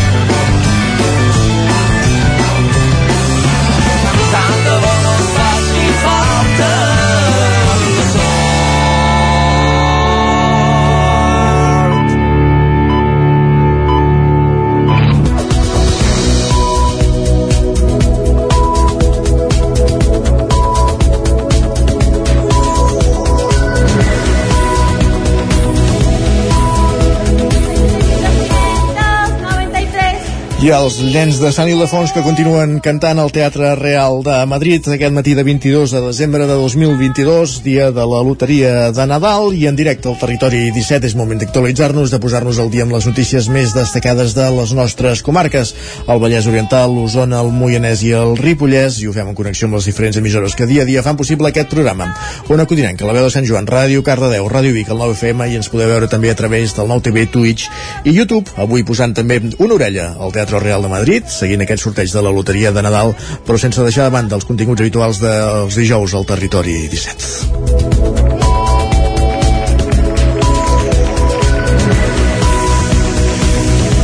Pla de xoc la, de la Diputació de Barcelona per aprovar una línia d'ajuts de 50 milions d'euros per finançar projectes d'energia verda als municipis de la demarcació. De fet, s'ha d'aprovar avui el ple de la Diputació. A Osona s'hi si preveuen destinar 26 milions i mig d'euros, al Vallès Oriental 17,3 i al Moianès 1,3 milions. Sergi Vives. És una ampliació del projecte Renovables 2030 amb una dotació propera als 120 milions d'euros. D'aquests 26 milions i mig es destinaran a Osona, on han de contribuir a reduir en més de 9 milions d'euros la factura energètica anual i en prop de 15.000 tones de diòxid de carboni i les emissions de gasos d'efecte hivernacle. A la presentació del pla de xoc de la Diputació aquest dimecres hi ha participat l'alcalde de Centelles, Josep Paré. En aquest municipi usonenc, la Diputació hi financia dos projectes de renovables amb un milió i mig d'euros que el diputat Xesco Gomar i el mateix alcalde presentaven fa poques setmanes a Centelles mateix. Centelles serà el primer municipi de la província de Barcelona que generarà eh, energia, per tant doncs, serem el primer municipi de tenir un parc solar públic amb un megawatt de, de potència que sumat amb altres instal·lacions que estem fent doncs, pot arribar a representar el 10% de l'energia que es consumeix en el municipi Sempre destaquem que som un poble amb energia, ja que fa prop de 100 anys que tenim eh, companyies elèctriques públiques 100% municipals. El primer projecte d'instal·lació massiva d'energies renovables a Catalunya. Concretament, el nostre paper, el de la Diputació de Barcelona, és passar de fer assessorament tècnic a invertir directament en aquells projectes que el conjunt de municipis de la província de Barcelona ja tenien redactats. Estem parlant en xifres d'una inversió de 120 milions d'euros Aquests ajuts de la Diputació es destinen a projectes d'energia fotovoltaica, enllumenat públic i calderes de biomassa. Doncs ja veieu, pluja de milions, en aquest cas per implantar energies renovables, no és la pluja de milions que s'espera avui del Teatre Real de Madrid, però és una altra. Aquesta l'ha d'aprovar, com dèiem, el ple de la Diputació de Barcelona. Recordaran fa poques setmanes que els explicàvem que l'Ajuntament de Rupit i Pruit a Osona havia renunciat al distintiu de poble més bonic d'Espanya, doncs ara ha obtingut el guardó com un dels millors pobles turístics del món. El reconeixement que valora la gestió sostenible dels pobles rurals l'atorga l'Organització Mundial del Turisme, Sergi.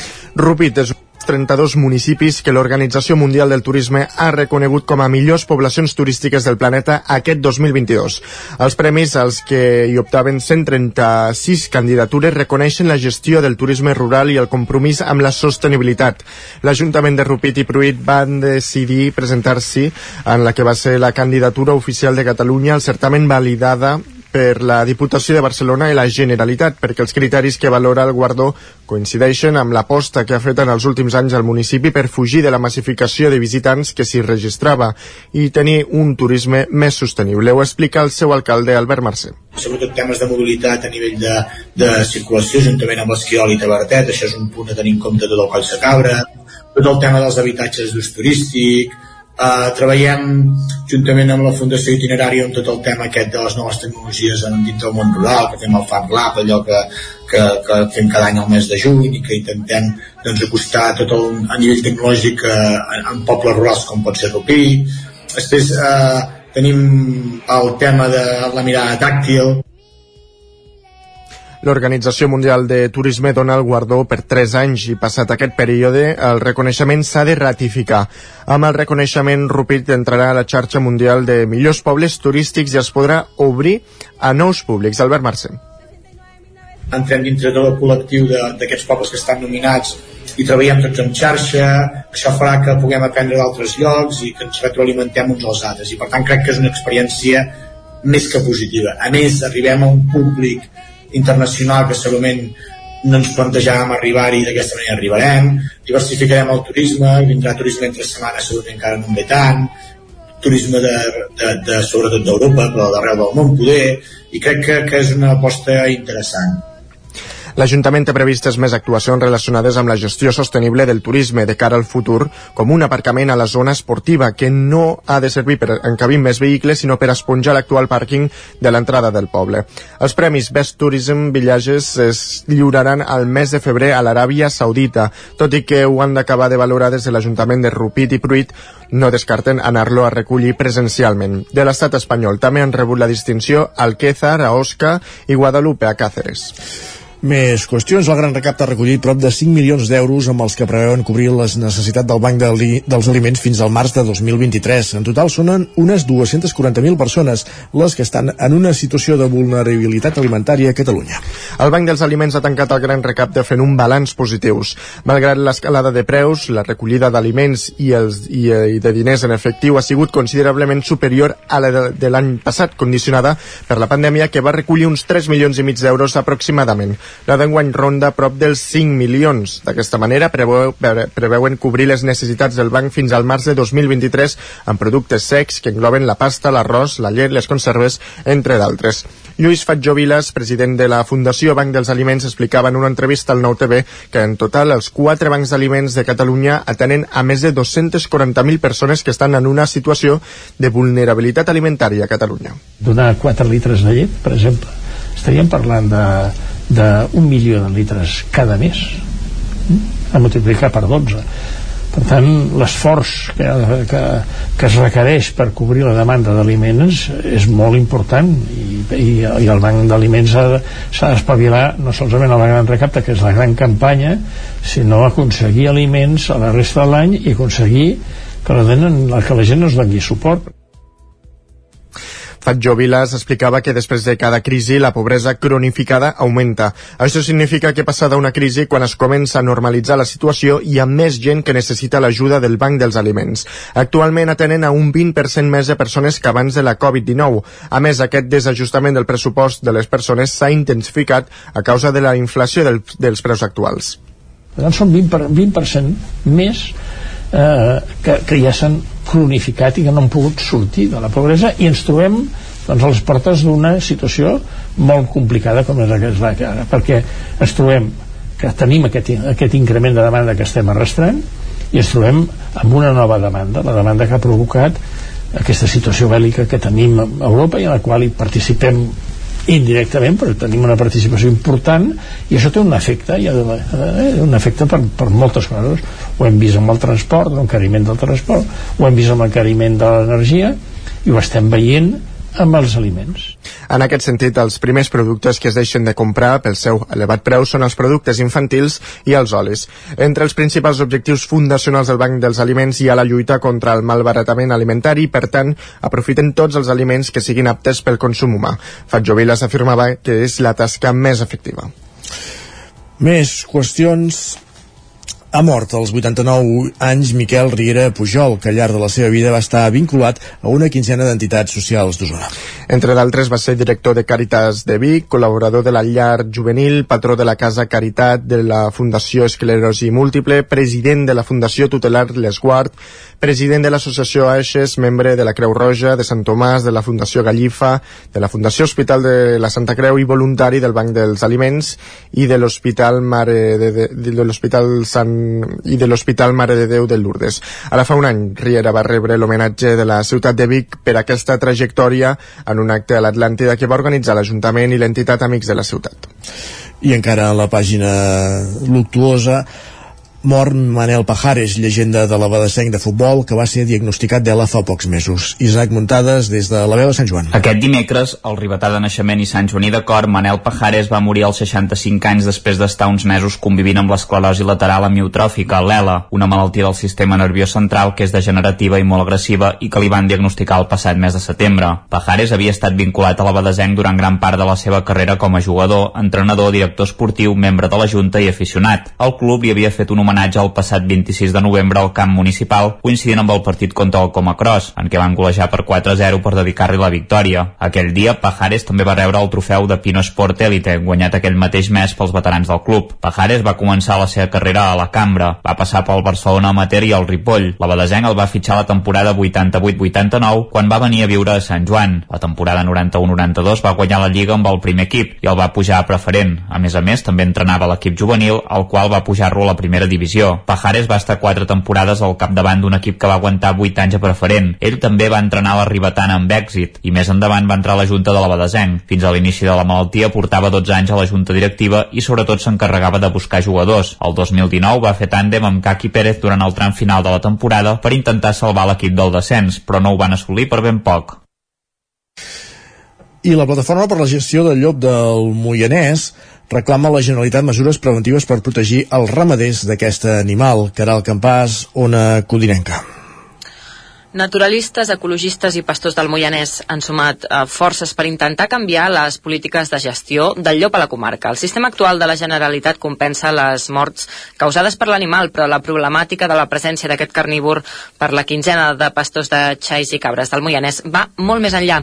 Pilar Clapés és del grup ecologista El Fanal pot tenir avortaments de femelles, pot tenir el ramat estressat i que no li dongui tanta llet en el cas de cabres, eh, ha de canviar el maneig, perquè ja no els poden tenir sueltos tot el dia per la muntanya i tota la nit, sobretot per la muntanya, no? Eh, llavors han de canviar el maneig, això vol dir tancats, i això vol dir inversió. Uh -huh. I vol dir despesa de mal de cap, si pot tenir Actualment es coneix la presència d'un llop al Moianès, un mascle provinent d'Itàlia que es mou per la Catalunya central. El Moianès troba refugi en grans extensions de bosc i aliment abundant, tant en senglar o cabriol com en ramats ovins. Clapés explica que han sol·licitat al Departament d'Acció Climàtica polítiques preventives. I la proposta és ser no reactiu, sinó no prevenir abans. És a dir, anar explotació per explotació i veure què necessiten per protegir-se del llop. Això ho ha d'assumir l'administració, que no pot ser que pels ramaders això sigui, sigui una despesa extra, perquè ja aquestes explotacions ja van prou justes. Sí. Uh, si l'administració no, no fa això, serà molt difícil la convivència. La presència del llop al Moianès es coneix des de l'any passat, encara amb restriccions per la pandèmia. A tot Catalunya s'han comptabilitzat entre 5 i 7 exemplars, tots mascles solitaris que han arribat d'Itàlia travessant Alps i Pirineus. Gràcies, Caral. I un últim apunt, encara ara anem cap al Vallès Oriental, perquè torna l'agrupació coral de Cardedeu amb la cantada de Nadales habitual de cada any a l'Església, Pol Grau, Roi Televisió Cardedeu. És habitual que l'agrupació coral de Cardedeu faci la cantada de Nadales cada final de desembre. Aquest és un dels diversos actes que faran durant les festes, juntament amb el cant de la Sibila. Els cantants presents han interpretat Nadales populars on fins i tot el públic ha pogut intervindre. Alfons Riera, president de l'Associació Coral de Cardedeu. És un clàssic, això ja ho sabem, que després de, de l'estiu comencem el curs i ja preparem tres mesos preparant les Nadales eh, per, per aquest dia d'aquí. I llavors a partir de gener ja comencem una, una, una altra sessió que és pel final de curs que aquesta serà molt important que ja, ja ho rebreu les notícies és una de Mendelssohn i farem servir l'orquestra jove de, de Catalunya per tant serà una obra molt, molt, molt important al, al, al juliol S'han triat diverses Nadales procedents de Catalunya amb versions més atractives i divertides. La coral està composada per 50 cantants actius dividits en quatre cordes tenors, baixos, contrals i sopranos. Tot i això, actualment hi ha moltes baixes dins del grup. Seguim la tradició, no som fidels a les tradicions populars catalanes, eh, no volem renunciar a elles i més eh, contraatacant les embats que tenim sobre les influències estrangeres que tenim. Per tant, tossuts nosaltres i tornem el, el, les Nadales sempre cada any. Això no ens oblidarem mai. El cant de la Sibila es farà demà divendres 23 de desembre a l'església, a les 9 del vespre, amb entrada gratuïta per a tothom.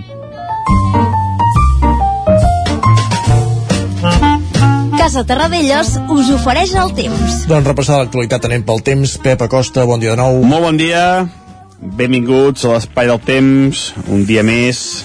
Un dia més no, avui és el primer dia d'aquest hivern, hivern 2022-2023. Espero que estigueu bé.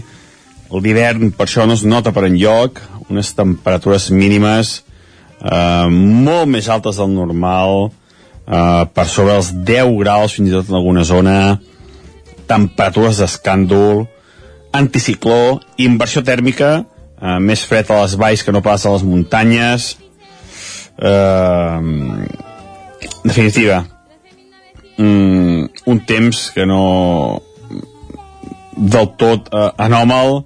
Eh, un temps que no ens agrada gens ja que l'hivern hauria de fer eh, molt més fred eh, hauria de ploure, hauria de nevar mm, totalment una situació que no, no, no ens convé gens no ens convé gens avui quatre núvols passatgers molt poca cosa cap precipitació i unes temperatures que aniran pujant les màximes. Avui moltes màximes entre els 15 i els 20 graus. Fins i tot, fins i tot alguna població del prelitoral superarem els 20 graus vents febles de direcció sud que són els causants d'aquesta pujada de temperatures uh, hi ha una una bossa freda uh, que baixa latituds gaire fins a les illes Açores i això ens provoca aquesta entrada de vents de sud que són els que fan pujar la temperatura, són els que fan disparar temperatura. Uh, realment una situació d'escàndol que no, és, no només serà avui, sinó que va n'hi ha per dies, eh? N'hi ha per dies aquesta situació, aquestes temperatures del tècnic escàndol. I aquest anticicló ferm no es veurà a casa nostra també el pròxim, la pròxima setmana o més de 10 dies, en cap cap precipitació eh, molt males notícies climàtiques aquests dies. I això és tot, eh, intentar disfrutar d'aquest primer d'hivern i demà ens tornem a escoltar amb la previsió ja del Nadal, que ja us aviso que serà un Nadal gairebé de màniga curta.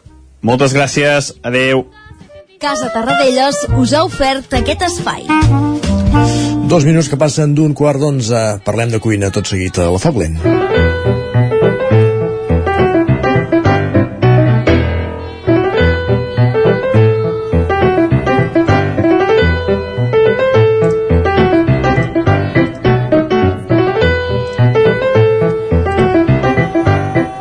Mas Llastanosa és una explotació familiar situada a Vallfogona de Ripollès que disposa d'un ramat d'ovelles de raça ripollesa i un petit ramat de cabres totalment ecològic, un ramat que és alimentat a la finca durant tot l'any gràcies a les característiques climatològiques del territori. A diferència del xai convencional, aquest mama de l'ovella fins que va a l'escorxador. D'aquesta explotació es ven el xai i el cabrit ecològic del Ripollès. Avui tenim, avui ens acompanya des de la veu de Sant Joan la Dolors Soi, que és propietari del Mas Llastonosa, eh, primer de tot saludem per l'Isaac Muntades, com dèiem als estudis de la veu de Sant Joan. Bon dia, Isaac. Sí, i avui ens acompanya, com bé comentaves, la, la Dolors Soi del Mas Llastanosa. Moltes gràcies, Dolors, per ser avui amb, amb nosaltres i explicar-nos una mica doncs, el, el que feu en aquesta explotació familiar de, de Vallfogona de Ripollès. Bon dia, moltes gràcies. Uh, primer de tot, Dolors, Mas Llestanós és una explotació familiar, com hem comentat a l'inici. No sé quants anys fa que us hi dediqueu i, i com ha crescut el vostre ramat al llarg d'aquests anys, perquè entenc que devíeu començar per les ovelles i després les cabres, o com ha anat el procés? No, sempre, des, de, des dels inicis, sempre hem tingut ovelles i cabres, tot barrejat, i, i el meu pare sempre n'ha tingut. Uh -huh. Uh, com està el sector oví al Ripollès? L'última Fira de Santa Teresa i Fira Catalana de l'Ovella va ser molt lluïda, però des del Departament d'Acció Climàtica uh, deia, es deia que havia baixat i que estava en crisi de, des de feia uns anys, que cada cop hi ha menys activitats dedicades al sector oví. Sí, cada cop està pitjor perquè el, el sector està molt envellit, hi ha molta, moltes explotacions tenen titularitat de gent eh, d'edat molt avançada no, no hi ha gent jove i llavors, clar, el problema és que cada cop es va perdent més i més i més i, i, i cada cop n'hi ha menys. Uh -huh. Aquest no és el teu cas, eh? per exemple, per això, Dolors, tu sí que has entomat doncs, aquest relleu, no sé quant de temps fa que, que ja t'hi dediques i entenc que ja és la teva professió i vull dir, uh, i endavant, no? Sí, sí, sí, jo m'hi dedico des de, que em vaig, des de que vaig acabar els estudis, em vaig incorporar i em vaig dedicar a això però clar, hi ha molt poca gent com jo i a més el sector oví cada cop està, està pitjor perquè aquí, aquí a la comarca tira més potser el, el boví, entenem o, o fins i tot a l'aquí, sobretot a la vall de Camprodon sí, sí, sí, és els que tiren més Uh -huh. uh, també et volia comentar el tema de, de l'escorxador comarcal perquè se n'ha parlat darrerament per matar el bestiar uh, en to, uh, teòricament és totalment imprescindible per vosaltres no? vull dir que és una, un equipament que és totalment necessari, oi? Sí, aquí és, és molt imprescindible l'escorxador perquè així podem mantenir les explotacions d'aquí de la comarca i, i mantenir el producte d'aquí, de proximitat I, perquè si no tinguéssim l'escorxador no aniríem bé abans hem fet algun apunt a la introducció, però què en destacaríeu de, de les vostres ovelles? Què, què les fa especial i quines característiques en té la carn? Uh, bueno, especial, especial tampoc tenen gaire res, no? Vull dir, són ovelles com les que té tothom, són ripolleses, no té més. I, i bueno, la carn com la, la carn de tot arreu, no? El país uh, mengen ecològic i pasturen i, i ja està. Uh -huh perquè mm -hmm. llavors vosaltres veneu, feu venda directa, com, com distribuïu el vostre producte, per entendre'ns? No, nosaltres el que fem és, és portem tots els nostres xais van a l'escorxador del Ripollet i després d'allà distribu es distribueixen amb les carnisseries del Ripollet. Uh, perquè quines característiques té l'ovella ripollesa, Dolors? Que, quines característiques té comparat amb altres ovelles? L'ovella ripollesa és, és, és com totes, l'únic que té les potes i la cara de, de blanc i negre i, i és la que hi ha més per aquí, és la més rústica. Uh -huh. I... I de les... Digues, digues, Isaac. Digues, digues, Isaac. No anava a dir de les cabres, eh, només en feu carn? Heu pensat expandir-vos amb el tema de la cabra de llet també o, és més complexa? Sí, no, és massa complexa. Amb, amb la carn, amb, amb fer cabrit, ja, ja en tenim prou. Uh -huh. uh, i ara que ve Nadal no sé si vosaltres que, bueno, que, que teniu l'ovella, el xai no sé quins plats uh, en recomanaries tu per fer, per fer doncs, algun plat per, per Nadal que, que és el millor de la, de la vostra carn del xais uh, el que és bastant o força bo és patlles i cuixes al forn i, i les, bueno, que fa tothom, no? Tothom estira les costelles, però jo crec que les, les, les cuixes i les espatlles al forn també són molt bones i, i també poden anar molt bé per aquests dies. Mm -hmm. Ah, perquè és molt car el, el xai o, o, o no, Dolors? No sé si també s'han hagut de pujar els preus una mica també per l'increment de costos o... Una mica han pujat, però no han pujat el suficient per... per... És a dir, no, no, no és excessivament car un xai Mm -hmm. Tothom pot arribar a comprar un xai per Nadal. Abans comentaves que eres una mica l'excepció amb el tema de, de les explotacions de Vila al Ripollès per, per l'edat. Eh, en el teu cas has continuat un negoci que ja tenies a casa però és difícil començar de, de nou o endinsar-se la pagesia actualment eh, en el teu cas com dèiem ho has mamat des de petita però mm, per mantenir, per mantenir la, la pagesia la tradició també hi ha d'haver no vinguts no, en aquest sector i sembla que costa moltes vegades no? Sí, clar, és que és, és, un, és un sector que si tu no ho has mamat i tu no ho tens, començar de nou costa molt. I llavors accedir a unes terres, accedir a un ramat, accedir a... costa.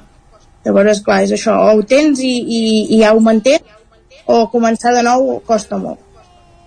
Mm -hmm. Però la vostra família, no sé quantes generacions porteu, porteu moltes generacions ja que, que sàpigues de, de treballant a, a, amb, amb les ovelles, com quant de temps porteu, que abans també ho comentàvem? Uh, em sembla que són 4 o 5 generacions. Mm.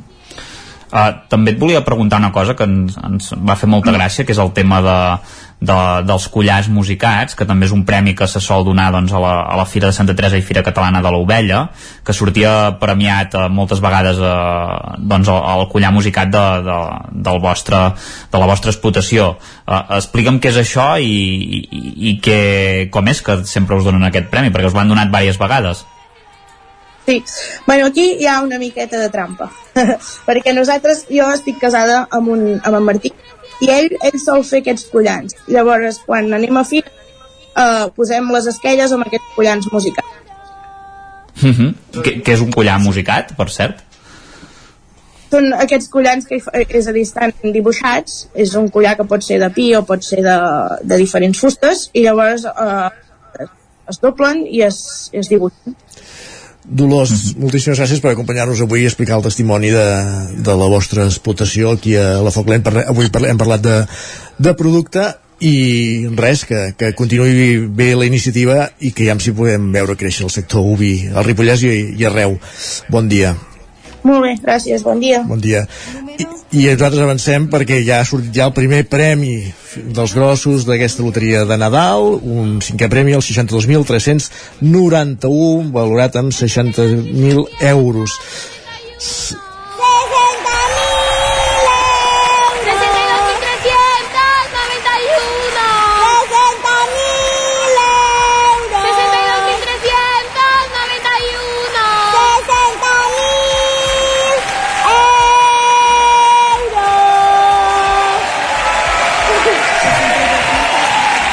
Doncs el 62.391, el primer cinquè premi del dia, el primer premi del matí, 62391. Estem ara pendents de saber on s'ha venut eh, el, primer, el primer número que surt d'aquest matí, que arriba tard, però que ha sortit que això, a 6 minuts de dos quarts d'onze del matí. De seguida intentarem saber quins han estat eh, les administracions agraciades o que han venut aquest número, el 62.391, doncs res, poques administracions, Alacant i Alacant. Per tant, eh, per ara esquiva el territori 17 aquest 62.391 i alerta, ja surt un altre dels premis, van, van sortint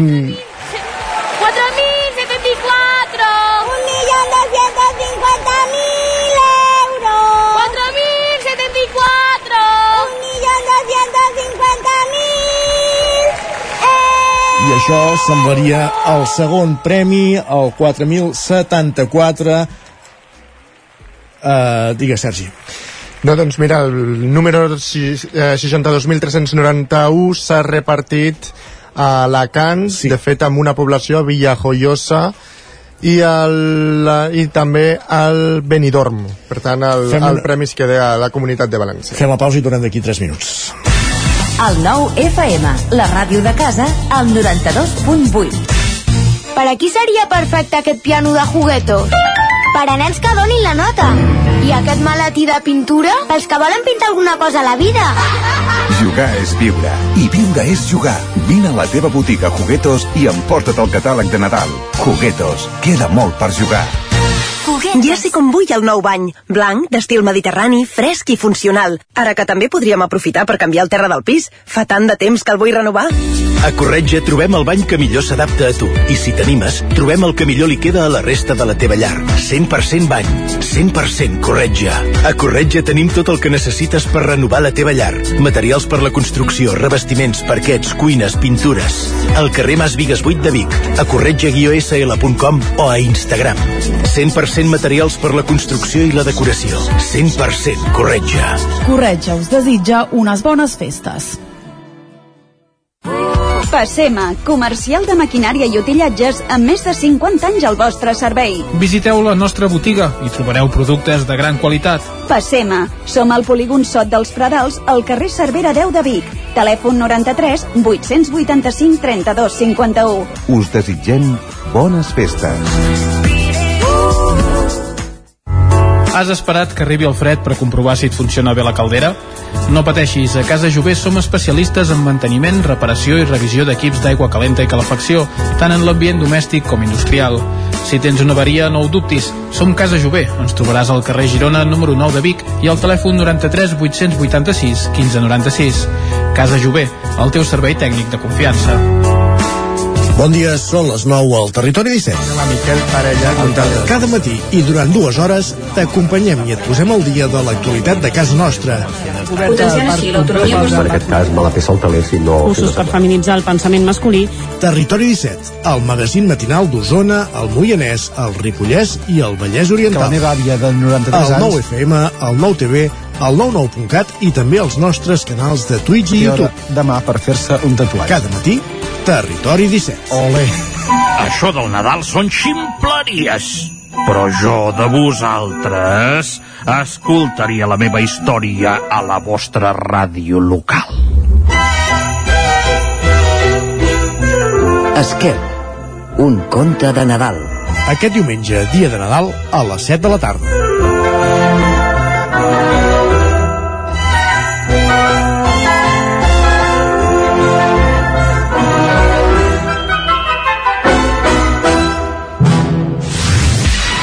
El nou FM, el nou FM, el nou FM. En punt dos quarts d'onze. I el territori 17, sempre diem a aquesta hora és moment de les pilades, avui a aquesta hora és moment de loteria, perquè, com dèiem, ja ha sortit primer un cinquè i després uns, el segon premi, el 4.074, Sergi Vives. Tenim ja detalls també d'on s'ha venut aquest 4.074, eh? El segon premi, aquest segon premi es reparteix a Catalunya i al País Basc. De fet, ha caigut a Olot i a Puigcerdà, aquí a Catalunya, i al País Basc ha caigut a Bilbao i a Múniga. Doncs vinga, el segon premi repartit entre Catalunya i el País Basc, concretament a comarques gironines, a Olot i Puigcerdà, voltant al Ripollès, però sense arribar-hi eh, ara mateix, per tant ens esquiva el territori 17, però el tenim que ens volta, eh, aquesta loteria, el segon premi el 4.074, venut, com dèiem, a Olot i Ripoll, i abans s'havia donat un cinquè, un dels vuit cinquens, del 62.391, i aquest ha anat més lluny, eh, Sergi, ha anat cap a Alacant. A Alicante, sí a, a Benidorm i a Villajoyosa. Doncs Villa Joiosa i Benidorm, que també ha estat agraciat amb el primer cinquè premi, el primer premi que sortia aquest matí de 22 de desembre del sorteig de loteria que s'està fent al Teatre Real de Madrid. Fins ara, dos quarts i dos minuts d'onze del matí, només han sortit dos premis grossos, el primer cinquè, el primer dels vuit cinquens, i el segon, el 4.074, venut, com dèiem, a Puigcerdà i Olot. És a dir, que hagi comprat loteria a la capital de la Cerdanya o la capital de la Garrotxa, que comenci a comprovar números. 4.074, un número baix. Gràcies, Sergi. Anirem parlant, posar-nos al dia d'aquesta actualitat de la loteria i el que fem ara sí, com dèiem, és saludar en Guillem Sánchez, que ja el tenim aquí.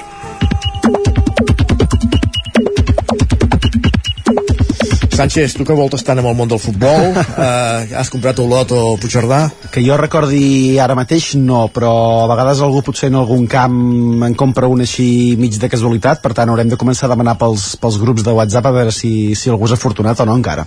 El, el número és maco, eh? 4.074, baix, molt baix, Sí, però vaja. que hi hagi zeros en el número sempre és una mica estrany, però, però bé, tenen les mateixes probabilitats tots de, de poder sortir D'entrada premiats. d'entrada sí, si no busques teories conspiranoiques tots tenen la mateixa, op- les mateixes opcions què diu Twitter? Parla de la loteria o no? I tant, et anava a dir, de fet, Isaac, que no canvissis la sintonia per passar-la a la de les piulades, però, però bé, perquè avui centrarem la nostra atenció en aquest sorteig d'avui que s'està celebrant des de les 9 del, del matí.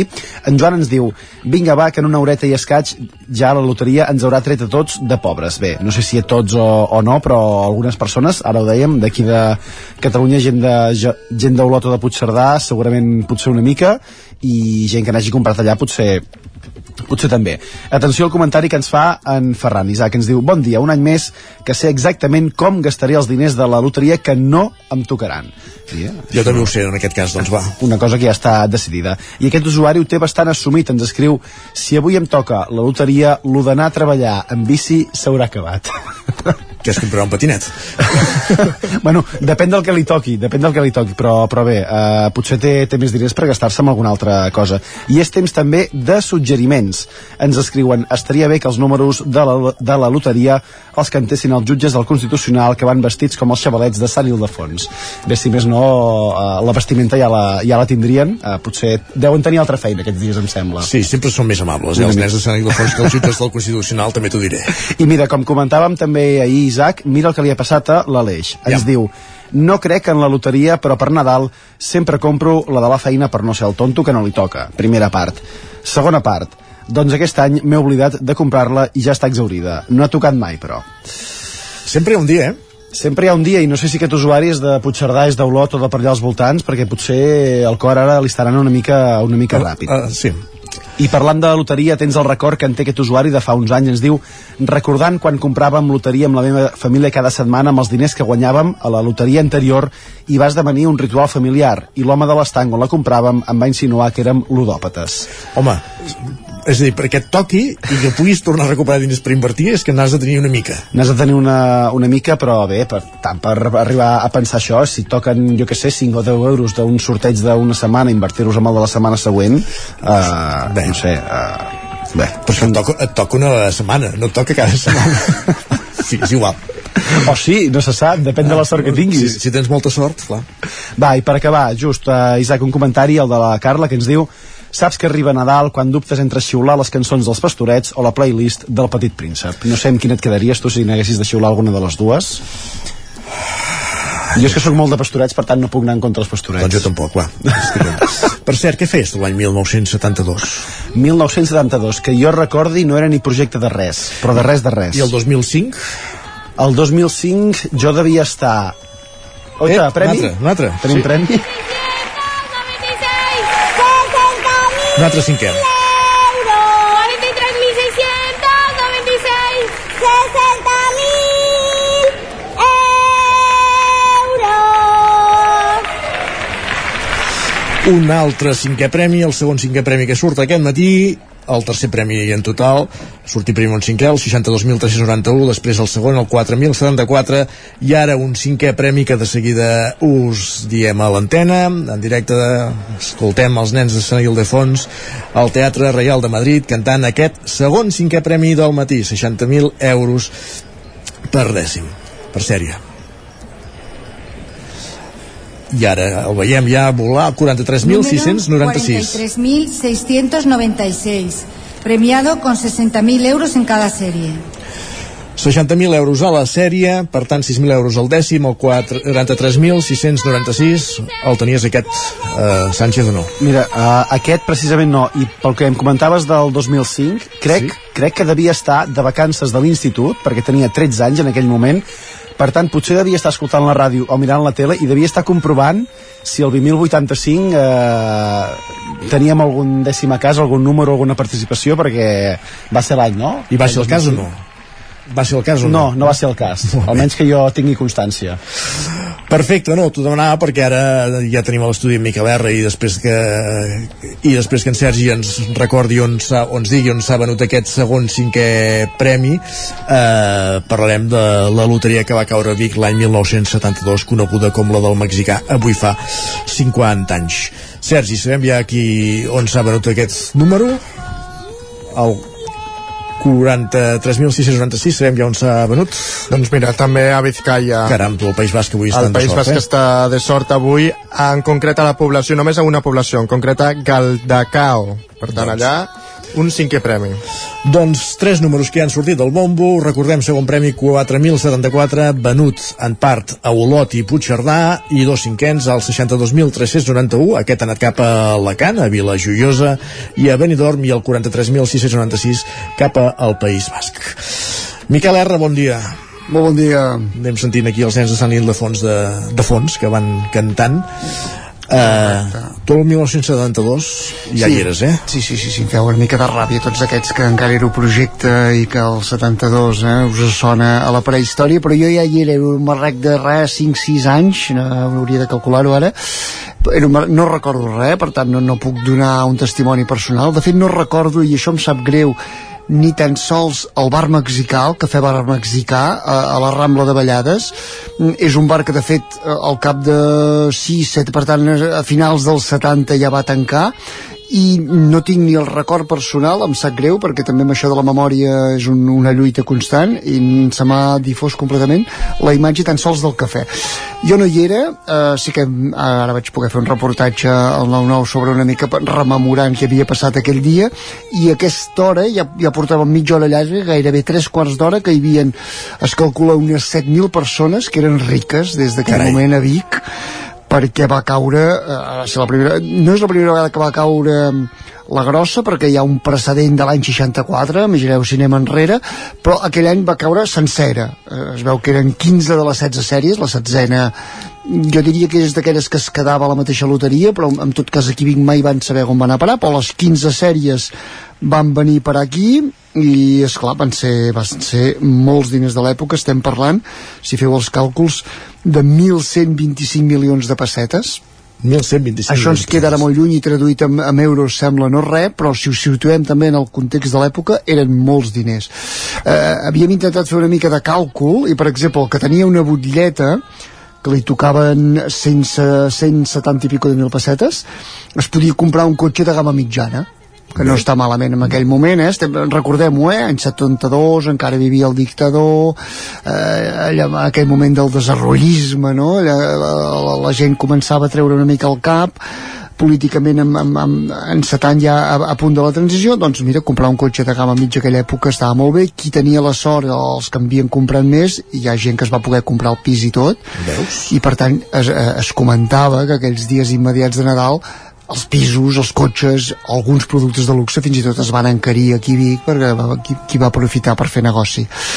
Eh, ens recordava en aquell moment, això eh, estem parlant d'un dia, un dia com avui, del 72, que eh, en aquell moment hi havia, hi havia la televisió posada, el cafè mexicà, van avisar, de seguida es va acumular molta gent. Perquè on era el mexicà, aquest cafè? Eh, Mira, a la Rambla de Vallades, ho coneixereu, els que recordeu, tot i que també ja està tancat, us recordareu perquè hi havia la Galeria El Carme, exactament aquella entrada, eh, que també ara porta uns anys tancada, la Galeria El Carme, que just al costat ara hi ha la pastisseria El Carme, de sí. Lluc Cruselles, que, que últimament n'hem parlat, eh? A davant, doncs, la- just al costat, al costat. la porta del costat, la mateixa porta del costat, ben bé a, a tocar, diguéssim, la pret per pret de l'església del Carme, i per la tant Galeria d'Art, sí, sí, correcte. ben bé la Galeria d'Art i per allà, allà comença la Rambla de Vallades era allà un bar, en aquell moment era un bar tenia d'aquest- d'aquests molt populars, sobretot la gent del carrer de Gurb, de tot el sector de, de, del carrer de Gurb, gent, gent treballadora, gent popular, per tant era, era un bar molt concorregut, que ja dic que obria fins, fins a la matinada, i eh, això eh, va repartir doncs, aquestes 6.000 butlletes que va repartir a 25 pessetes cada una eh, del número, recordem-ho 42.435 i sí, ja dic, en aquell moment diguéssim que va ser la primera vegada que, que encetava Vic aquesta fama posteriorment de, de Vic ciutat afortunada. De fet, jo recordo més, per exemple, quan va tocar als anys 80 El ja... 88 em penso que era. Els 88, els, els, combatents, els excombatents, llavors tinc més memòria d'aquell moment perquè algú, no jo, també coneixo que li va tocar, llavors sé que va ser més comentat. Va ser més sonada aquesta? Ostres, O, és a dir, les dues grosses són el mexicà i, la, i, i, el, i el 2005, o el Cau del Drac? O Correcte, O, no, o els combatents no va ser tant? També eren unes sèries, també eren unes sèries, però eh, caure sencera la del 72 va ser un impacte eh, clar, en el moment ens hem d'imaginar també els mitjans de l'època, eh? una ciutat com Vic, eh, vull dir que la gent, la, les cròniques tiraven de, tiraven de tòpics, eh? ciutat lavítica, ciutat de la suerte, capital de la fortuna, eh? tot, I, va, tot això. I és allò que va tocar a tothom? O...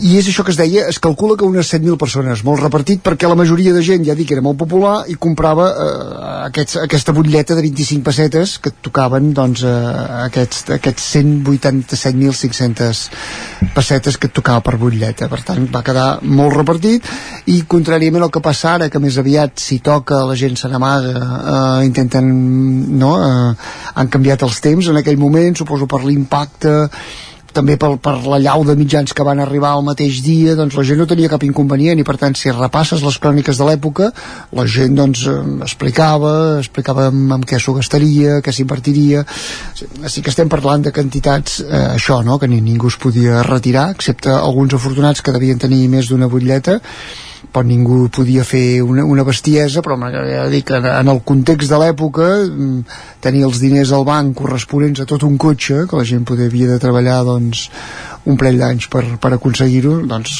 va ser molt sonat va ser, ja dic en el seu moment portat als diaris diguéssim d'àmbit nacional i, i molt I, sonat I avui costa trobar afortunats, encara n'hi ha? avui costa molt eh, trobar afortunats perquè la majoria han mort 50 anys després eh, o en tot cas els que hem, els que hem buscat alguns no han volgut parlar nosaltres vam aconseguir parlar que tampoc li, li agrada ni, ni sortir la foto això vam aconseguir parlar amb el fill del propietari que també treballava allà amb Pere Ripoll, el seu pare era Jaume Ripoll seria el titular del negoci però ell també estava treballant al mateix bar ara ja amb 80 llargs ens, ens recordava una mica aquestes peripècies i també vam trobar un cas molt anecdòtic i molt simpàtic el, aquí Vic el coneixem molt per l'etapa també pels anys que ha estat eh, al capdavant d'àrees d'esports a la ciutat, sí. que és Miquel Duran que en aquell moment tenia 7 anys Uh, clar, ell també recorda molt poc de què va passar en aquell moment. L'anècdota és molt divertida perquè es veu que tenia una mainadera que ell era tot belluguet. Havien anat a veure una veïna que, que vivia sobre el bar. Li va dir, té, baixa a comprar una butlleta suposo per fer-lo entretenir una estona. Em va comprar, li va dir, compren dues una per mi i una per tu. I, esclar, la pobra dona no, no es devia imaginar que li estava regalant això 187.500 euros pessetes, perdó. Uh, ell ja dic, eh, tot el, el relat que ha construït posteriorment és a partir del que li han explicat i per exemple el que li han explicat és que eh, la primera entrevista que li van fer ell encara poc conscient de què representava el volum de diners que havia rebut va dir això, no? que compraria un canari i una vaixella per la seva mare. Per tant aquesta era la percepció més posteriorment va saber doncs, que li van obrir un compte als seus pares que li van comprar 50 accions de telefònica. Carai. i bueno, però que, que queda l'anècdota aquesta de que segurament segurament devia ser l'afortunat més jove d'aquests 7.000 i pico d'afortunats que hi va haver a la ciutat la loteria del mexicà l'any 1972 a Vic eh, i va haver, com deia, un altre episodi sonat l'any 2005, però en parlarem d'aquí uns minuts aquí al Territori 17 en aquest programa que estem fent allargant el programa parlant d'aquest sorteig que s'està fent a Madrid, el sorteig de, de la loteria de Nadal, anar a sentir la cantarella dels nens de, de Sant Ildefons. Gràcies, Miquel. Fins ara. Fins ara. I avancem al territori 17. Recordem-ho ara mateix, fins ara mateix han sortit tres dels premis grossos, el segon premi, eh, venut en part, com dèiem, a Olot i Puigcerdà, estem parlant del 4.074, que s'ha venut també a part d'aquestes dues localitats catalanes a Bilbao i Múngia, també a la província de Vizcaya, i han sortit dos cinquens, el 62.391, que s'ha venut a la província d'Alacant, a Villa de Joiosa i a Benidorm, i els 43.696 repartit íntegrament a Galdacau, a Vizcaya també. Dit tot això, que fem tot seguit al Territori 17, és allò que fem cada dijous més o menys a aquesta hora, que és anar al cinema. I anem en companyia de la veu d'en Joan Garcia i d'en Gerard Foses, des de la veu de Sant Joan.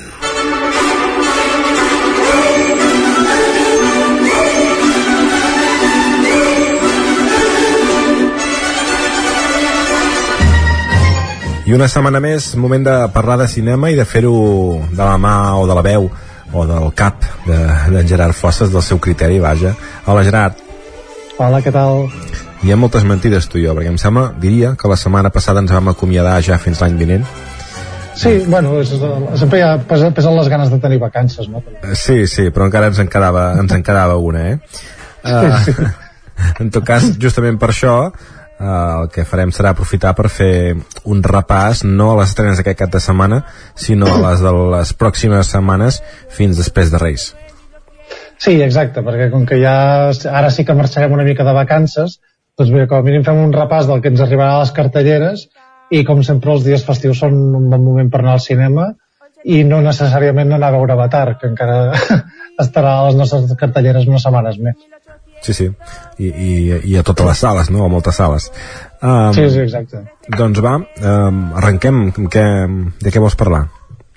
Mira, que començarem amb una que, que no tenim a cap cinema proper, perquè és en aquells casos que és una pel·lícula de Netflix que fa una estrena limitada en cinemes aquest 23 de desembre i que el 6 de gener ja arriba a la plataforma. És una pel·lícula de misteri que es titula Los crímenes de la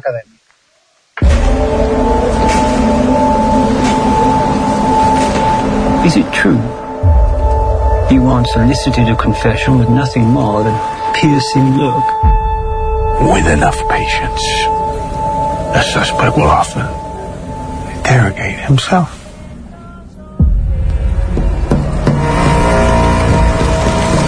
Explica'ns, perquè sí, d'imatges ja n'havia vist, però no me recordo per on va, per on van els trets. A veure, és, és això, una pel·lícula de, de thriller, terror, misteri, no? una mica en la línia de, de Des de l'Infierno, aquí també posant un context històric. En aquest cas ens ambientem a principis del segle XIX, on hi ha un detectiu que investiga una sèrie d'assassinats i per ajudar-lo doncs, hi ha un, un jove, eh, Edgar Allan Poe, que, que també el començarà a ajudar. No? Edgar Allan Poe, com sabem, és un gran escriptor de, de novel·les de misteri, també, òbviament, d'assassinats, i diguem que aquí entra de, de jove a fer una mena de, de paper de, de Sherlock Holmes, més o menys. Uh, la pel·lícula té, està basada en una novel·la de, de Luis Bayard, que va ser bestseller en el seu moment, i està protagonitzada, entre altres, per, per Christian Bale, per Gillian Anderson, uh, per això també Robert Duvall, Charlotte Gainsbourg, vull dir que és um, um, una pel·lícula envoltada de molts actors ja veterans i consolidats, i que és una aposta d'aquestes per, per fer una, una història de misteri atractiva amb un personatge històric doncs. Mm. Realment fa, fa molt bona pinta, la veritat. Uh, Sí, és, el, el, el fet de que sigui una producció de Netflix em fa una mica de por, eh? perquè amb aquestes de misteri vull dir, poden sortir coses com Enola Holmes, que és un, un avortament fet cinematogràfic. Um, en aquest cas té bastanta més bona pinta. mm, mm. Doncs veurem això, 6 de gener, uh, Netflix, i, i dius que cinema, cinemes es veurà una mica abans, potser, o no? Sí, el, hi ha el 23. Passa que en cap cinema que tenim nosaltres proper, doncs de, de moment la programa. Mm. No, no, havent-hi Avatar i, i passant això de que al cap de 3 setmanes ja estigui a, a les uh, cases doncs, uh, doncs suposo que tira enrere molta gent també per programar-la o no sé com va estic uh... Sí, exacte, és una mica la- l'aposta de cada cinema al final. molt bé, anem per la segona Anem per la segona, que aquesta sí, que estranyament, i celebrem-ho també, que sí que es podrà veure a prop de casa nostra, concretament al Sucre de Vic. Um, és una pel·lícula de Hirokazu Koreeda, um, no sé, cineasta coreà um, ja molt reputat des de fa molts anys, sobretot des de que fa poc, fa dos o tres anys va guanyar la Palma d'Or a Cannes, per Shoplifters, uh, que arriba amb una nova pel·lícula que es titula Broker. Podría decirse que es un acto de bondad, tal vez. ¿Qué estás haciendo? ¿Te parece bonito fastidiarnos del viaje familiar? Lo sé todo. No sois una familia. Vais a vender a uso. Si seguimos buscando, encontraremos un comprador mejor.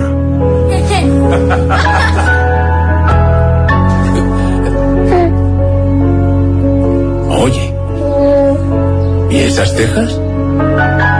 És un, de, un dels actors de Paràsitos, no?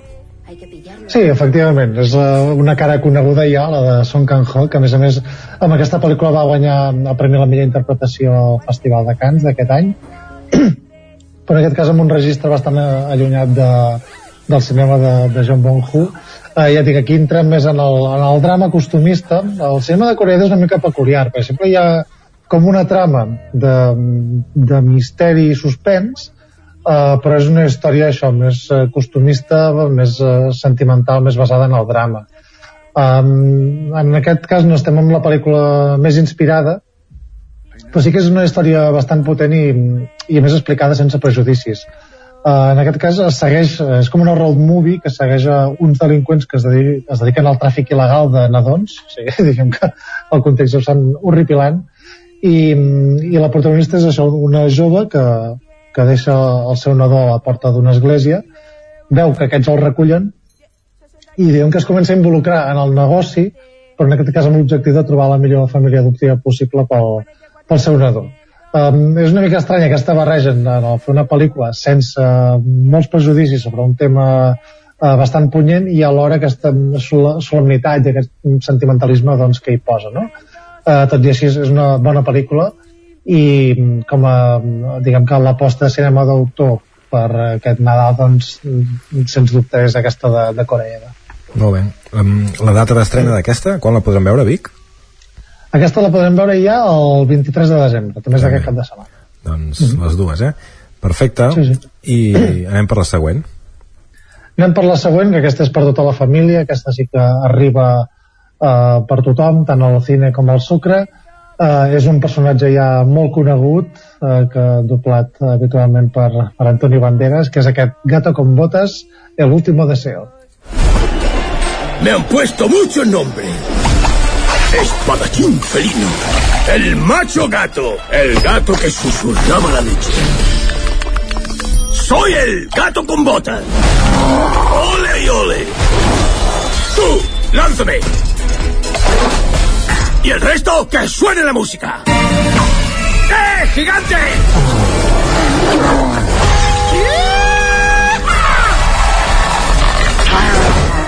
Hey, ¿queréis ver algo molón? Si no m'equivoco, jo crec que aquesta ja fa bastant de temps que, que se'n se veia un tràiler, no? I és la història de, de com mor i està com al metge o al veterinari, no? O alguna així, i que i comencen a comptar i diuen, ostres, ja has mort eh, tantes vegades, aquesta és l'última vida que et queda, no? És aquesta, no? La gràcia, entenc, o no?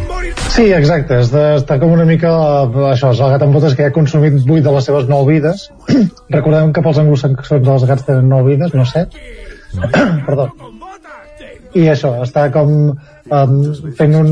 Bueno, aquesta és la- l'aventura, doncs, per restaurar les nou, les nou vides que, que té. Uh, és una pel·lícula que mm, ha arribat amb molt bones crítiques, sorprenentment, a més bastant millors que, que la primera part. Uh, I diem que és com aquest spin-off de, de Shrek, doncs, que ha agafat ja com la seva pròpia línia d'identitat i a partir d'aquesta premissa doncs, és un conte de fades, una aventura eh, èpica doncs, eh, molt divertida no? I amb aquest personatge que sempre ha funcionat molt bé eh, doncs és sens dubte la, la gran aposta per, de cinema familiar per aquest Nadal Molt bé. Aquesta es veurà als dos llocs i eh, a partir de quan? a partir d'aquest cap de setmana també, També. aquí estem donant hora bona Perfecte. doncs Gato con botas, el último deseo, no sé si en català això ho hem de mirar, però eh, el cinema o cine i el sucre de Vic. Molt bé, seguim. Uh, seguim, aquí ja saltem a la setmana de, després de cap d'any uh, que arriba una pel·lícula de terror uh, molt esperada de, uh, diguem, de la mà de James Wan tot i que no, no, és, no el director però sí que està a la producció és um, co-guionista diguem que és l'ideòleg darrere de la història amb un film de terror que es titula Megan Katie, has perdido a tus padres. Bienvenida a casa. Eres mi sobrina. Voy a hacer todo lo posible para que aquí te sientas como en casa. Ojalá pudiera volver a verlos. No estoy capacitada para esto. No me ocupo ni de mis plantas. Estoy trabajando en un proyecto. ¿Te apetece verlo? Sí. Desde que era pequeña he soñado con el juguete perfecto que ayude a que ningún niño vuelva a sentirse solo o triste. Esta es Com un Black Mirror de por, eh? Soy Katie.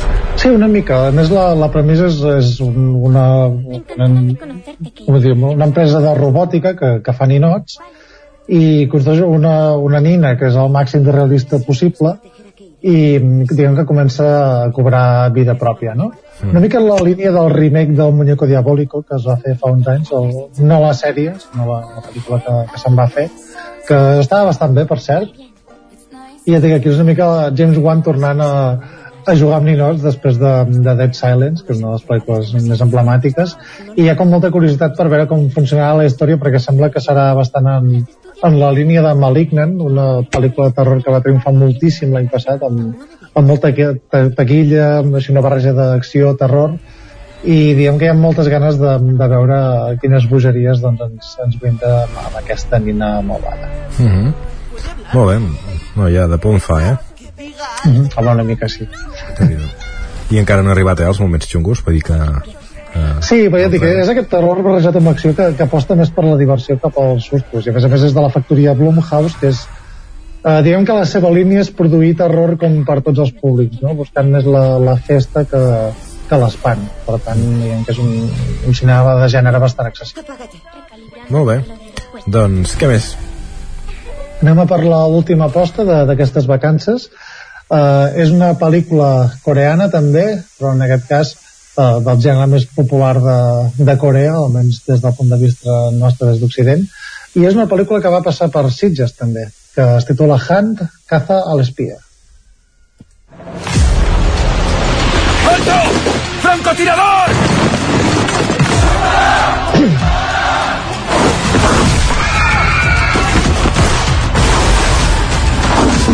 Bé, ja sentim, eh? Molts trets, moltes persecucions... ¿Cómo se te ha ocurrido dejado... Sí, sí, absolutament. A més, eh, està dirigida com a curiositat pel, pel protagonista de, de Juego del Calamar, que en aquest cas no no interpreta, sinó que fa el salt en la direcció. Uh, I és una d'aquestes pel·lícules que agraden tant a Corea, bastant llarga, dura dues hores i pico, i és, és un thriller molt enrebaçat de- d'espionatge, de, ens situem a, això l'any 1980, Corea del Sud, i és una història d'aquestes de- d'espies de, de Corea del Nord, Corea del Sud, qui és agent doble, qui no, i diguem que hi ha dues eh, eh, divisions d'intel·ligència, Corea del Sud, doncs, que intenten trobar un tap, i òbviament els dos protagonistes doncs, sospiten un de l'altre, no? i tot està al voltant això d'un atemptat que volen fer contra el president de Corea del Sud. És una pel·lícula entretingudíssima, amb escenes d'acció realment memorables i d'aquestes que passen superbé, que estem molt acostumats a, al cinema de, de Hollywood i diguem aquest punt més de, de dibuixos animats que, que estan adoptant i aquí estem al terreny de l'acció més, més seca, amb una trama molt, molt treballada i, i que òbviament doncs, fa les delícies de, dels fans del cinema d'acció. Mm. De cada quatre plans n'hi ha tres que són amb una arma, eh? Disparant. Sí, sí, efectivament. O sigui, I quan es posa a disparar ja, ja et puc assegurar que no paren. Molt bé, anem a veure aquestes festes també, o aquest cap de setmana, que és el que podrem veure també a la cartellera dels uh, cinemes de la resta del territori 17, uh, el cinema Comtal de Ripoll, de Royal Game, Sí, fan de Real Game, que no sé si està dintre del marc del, del Cineclub Àric, uh, però bé, és una pel·lícula d'un, d'un, durant la, la invasió de, per part dels nazis a Àustria, doncs uh, segueix la, les desventures d'un d'un jueu que, que el tenen tancat en, en un hotel presó i diguem que és com la seva dicotomia en si col·laborar amb els nazis o no, doncs perquè l'acabin alliberant i s'adaptant. el cinema Alhambra de la Garriga, segona setmana d'Avatar, que no cal dir que diguem res, No, segona i, i tercera ja, segurament. Sí, sí. Cinema Catalunya de Ribes, Black Adam. Sí, l'aposta nadalenca de, de Ribes és Black Adam, aquesta pel·lícula de superherois de, de DC, que no sé si es pot, si es pot veure ja també a HBO Max, uh, però en aquest cas això, pel·lícula protagonitzada per Dwayne Johnson. Uh, més endavant també, uh, ja potser l'any que ve, el 2 de gener i el 7 de gener, podem veure Madalena i Utama. Sí, Madalena és una pel·lícula de- d'estrena, de, és una pel·lícula brasilera que també, no sé si estarà ben bé la setmana que ve o aquesta, però bé, és a, a Ribes que, que la podrem veure. Uh, I també és una pel·lícula així com, com de misteri i drama, que és, gira al voltant de l'assassinat d'una persona transsexual a, a, que troben morta en un camp de, de Brasil. Una pel·lícula així molt curteta, a més a més, i, i de, de colors molt vius, eh, molt interessant. I Utama és això, un documental que ja vam parlar, és l'aposta boliviana pel, pels Oscars, no sabem si arribarà, però que va, va ser una de les pel·lícules de clausura del, del Festival Protesta de Vic, un, una pel·lícula això sobre un, una gent gran que viu a, a l'altiplà de, de Bolívia, en, en plena sequera, en ple canvi climàtic, i doncs relata doncs, aquestes peripècies per, per viure en aquesta zona. Molt bé, a l'Esbarjo de Cardedeu, el documental del mes és uh, Karaoke Paradise, també podem veure el Gran Maurice, uh, l'Emperatriz Rebelde i Històries per a no contar. Sí, ja tenen un calendari ample per a aquestes festes, destacar sobretot la, la pel·lícula de, de Cesc Gai, de Històries per no contar, que segurament és la, la millor d'aquest grup. I Karaoke Paradise no, el desconec, però el Doc del Mes sempre sol ser una aposta interessant d'anar a veure. Molt bé, a l'Alter de Torelló, uh, Nomadland. Uh, Nomadland, recordem el, el 12 de gener, ja estem saltant ja després de, de festes, però bueno, aquesta aposta per, per la pel·lícula de Chloe de Chloe Zhao perdó, que, que va guanyar l'Oscar fa, fa un parell d'anys. I per últim, el Cineclub de Vic, Descartes Counter.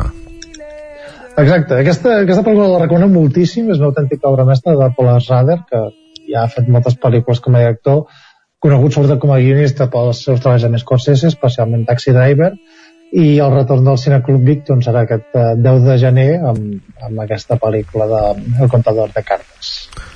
Molt bé, doncs ara sí, ara sí que ja ens podem desitjar un bon Nadal i que el tio cagui moltes coses i tot plegat. Exacte. Molts propòsits d'any nou per no complir, totes aquestes coses que d'aquesta època. Què, què, què demanes tu? A, a, a, si haguessis de demanar una cosa al tio per al cinema per l'any que ve? Mm, uh, difícil. Aquesta pregunta m'hauries d'haver fet abans que... Que l'haguessis pensat, no?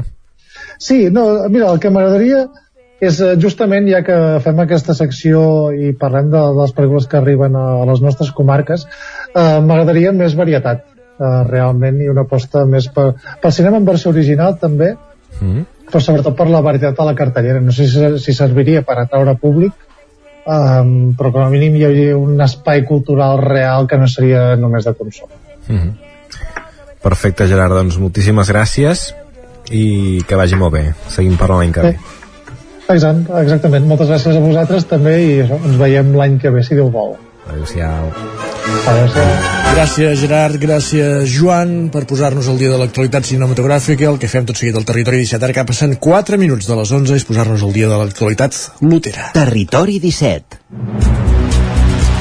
Perquè sí, avui allarguem el programa amb motiu d'aquest sorteig de la loteria de Nadal que s'està fent al Teatre Real de Madrid. Estan cantant els nens de Sant Ildefons i fins ara Sergi Vives eh, han sortit, podríem dir que pocs premis, de fet, només tres dels grossos, eh? Només tres, s'ha sortit el segon, que és el número 4074, eh, que aquest ha tocat a Catalunya, de fet, eh, a les coma a comarques gironines, ha tocat a Olot i a Puigcerdà. I a més a més també és un premi que ha estat repartit també al País Basc en concret a Vizcaya a les poblacions de Bilbao i Mungia El 4074, segon premi, també han sortit dos cinquens. Dos cinquens, uh, un d'aquests és el 62.391 de fet ha sigut el primer premi del dia. Ha estat repartit a Alicante, la província d'Alicante, en concret a poblacions de Benidorm i Vilajoiosa. Doncs aquest és un i l'altre és el 43.696. Que aquest també ha sigut eh, premiat, eh, tocat a Vizcaya, en concret a la població de Galdacao. Perfecte, doncs en aquest punt del programa el que fem és incorporar més veus a l'antena. Saludem la Caral Campàs, l'Isaac Muntades, la Gemma Permanyer. Benvinguts tots tres. Hola, bon dia. De nou. De nou. Uh, que volem és anar, anar seguint aquest sorteig que per ara, com deia abans en Sergi, està està sent esquiu, bueno, més que esquiu estan sortint, han sortit molt pocs premis. Portem gairebé dues hores de sorteig i només han sortit aquests tres premis que dèiem un segon i dos cinquens Isaac i el Ripollès que el van vorejant. Abans parlàvem amb en Marc Rosa de l'administració al Trèvol o que fins ara havia gestionat l'administració al Trèvol i ens deia em tornareu a trucar més tard per, per felicitar-me però fins ara eh, ni anglès ni Ripoll. Olot i Puigcerdà, eh?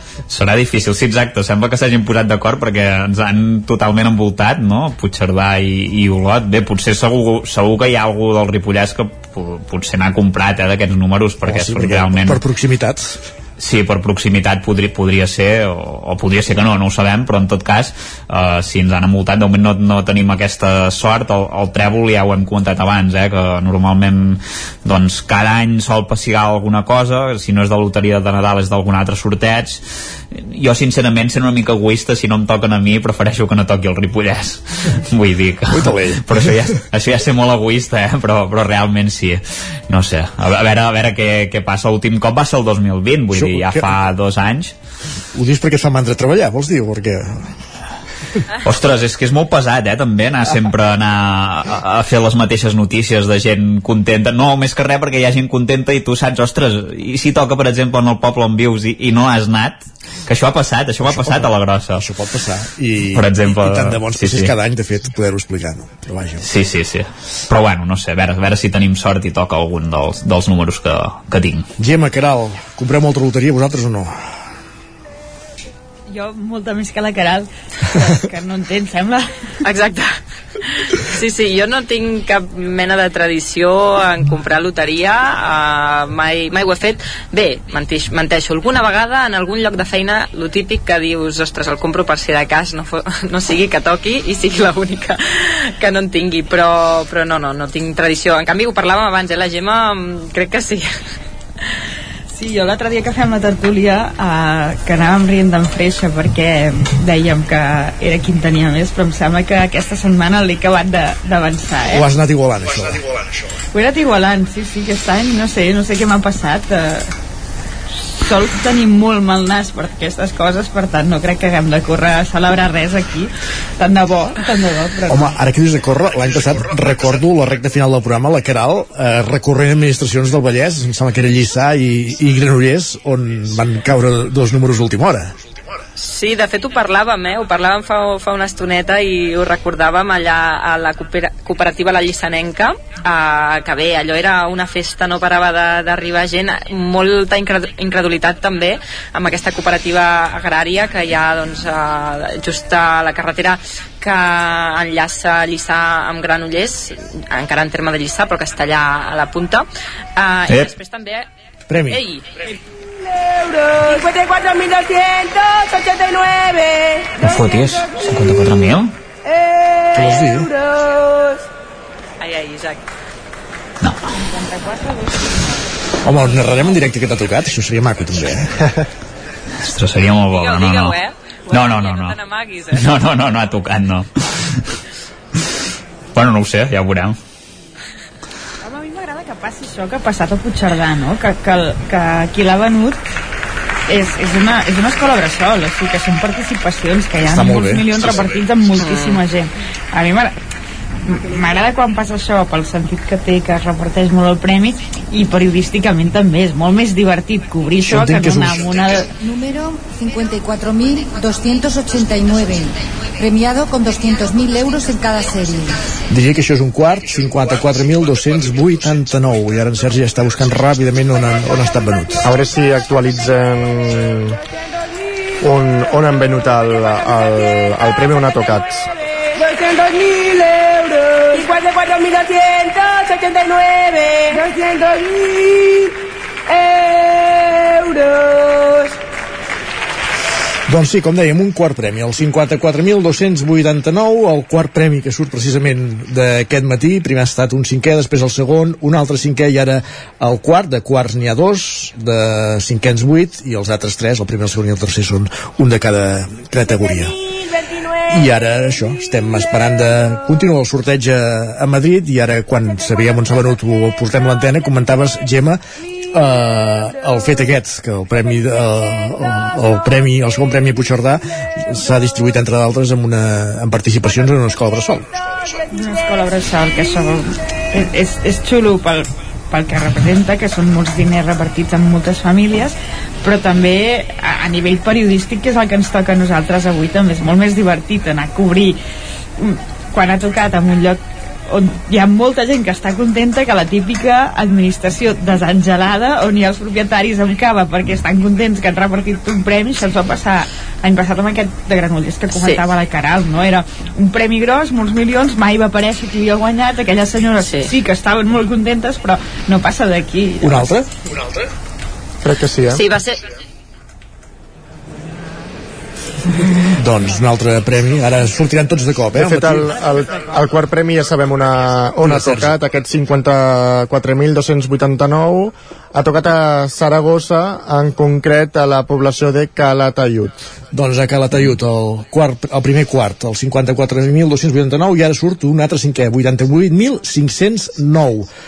Uh, per tant, més premis que van sortint dels bombos de la loteria de Nadal. Ja, 88.509. Premiado con 60.000 euros en cada serie. I ara de seguida també sabrem on s'ha venut aquest. El quart premi, primer que ha sortit, el 54.289, ens deia Sergi, a Calatayud, a Saragossa, eh? Exactament. 9, 60.000 euros. 88.509. 60.000 euros. Doncs van sortint premis, va, Gemma, i ara sí que et, et, et deixem acabar de desenvolupar la, la idea. 88.509, el tercer cinquè premi. No, de desenvolupada, desenvolupada. Eh, era això, que, que si cau que caigui, que si hem de córrer, que sigui perquè o s'ha repartit molt o han donat molts milions. I això que comentàvem dels números que, que juguem, eh, jo he fet un experiment estrany aquest any motivat pel Marc Capa de la papereria de la plaça d'aquí Sant Feliu. que ahir bueno, aquesta setmana s'ha inventat la pinya de la sort, que és una mena d'estri que té allà a la botiga, que hi té posats diversos dècims, tancats amb un sobre, i tu compres aquell dècim sense saber quin número és. I el joc és que no l'obris fins que ha passat eh, el sorteig. De manera que ahir em van enredar, eh, en jugo una mitja amb la meva cosina, per tant no sé quin, dels, quin número estem jugant. Potser ets milionària, Gemma, i no ho saps. Clar, jo crec que haguessin dit Sant Feliu de Codines en algun moment, no? Bueno, clar, si, si has set de Sant Feliu, sí, si el vas comprar aquí, sí, clar.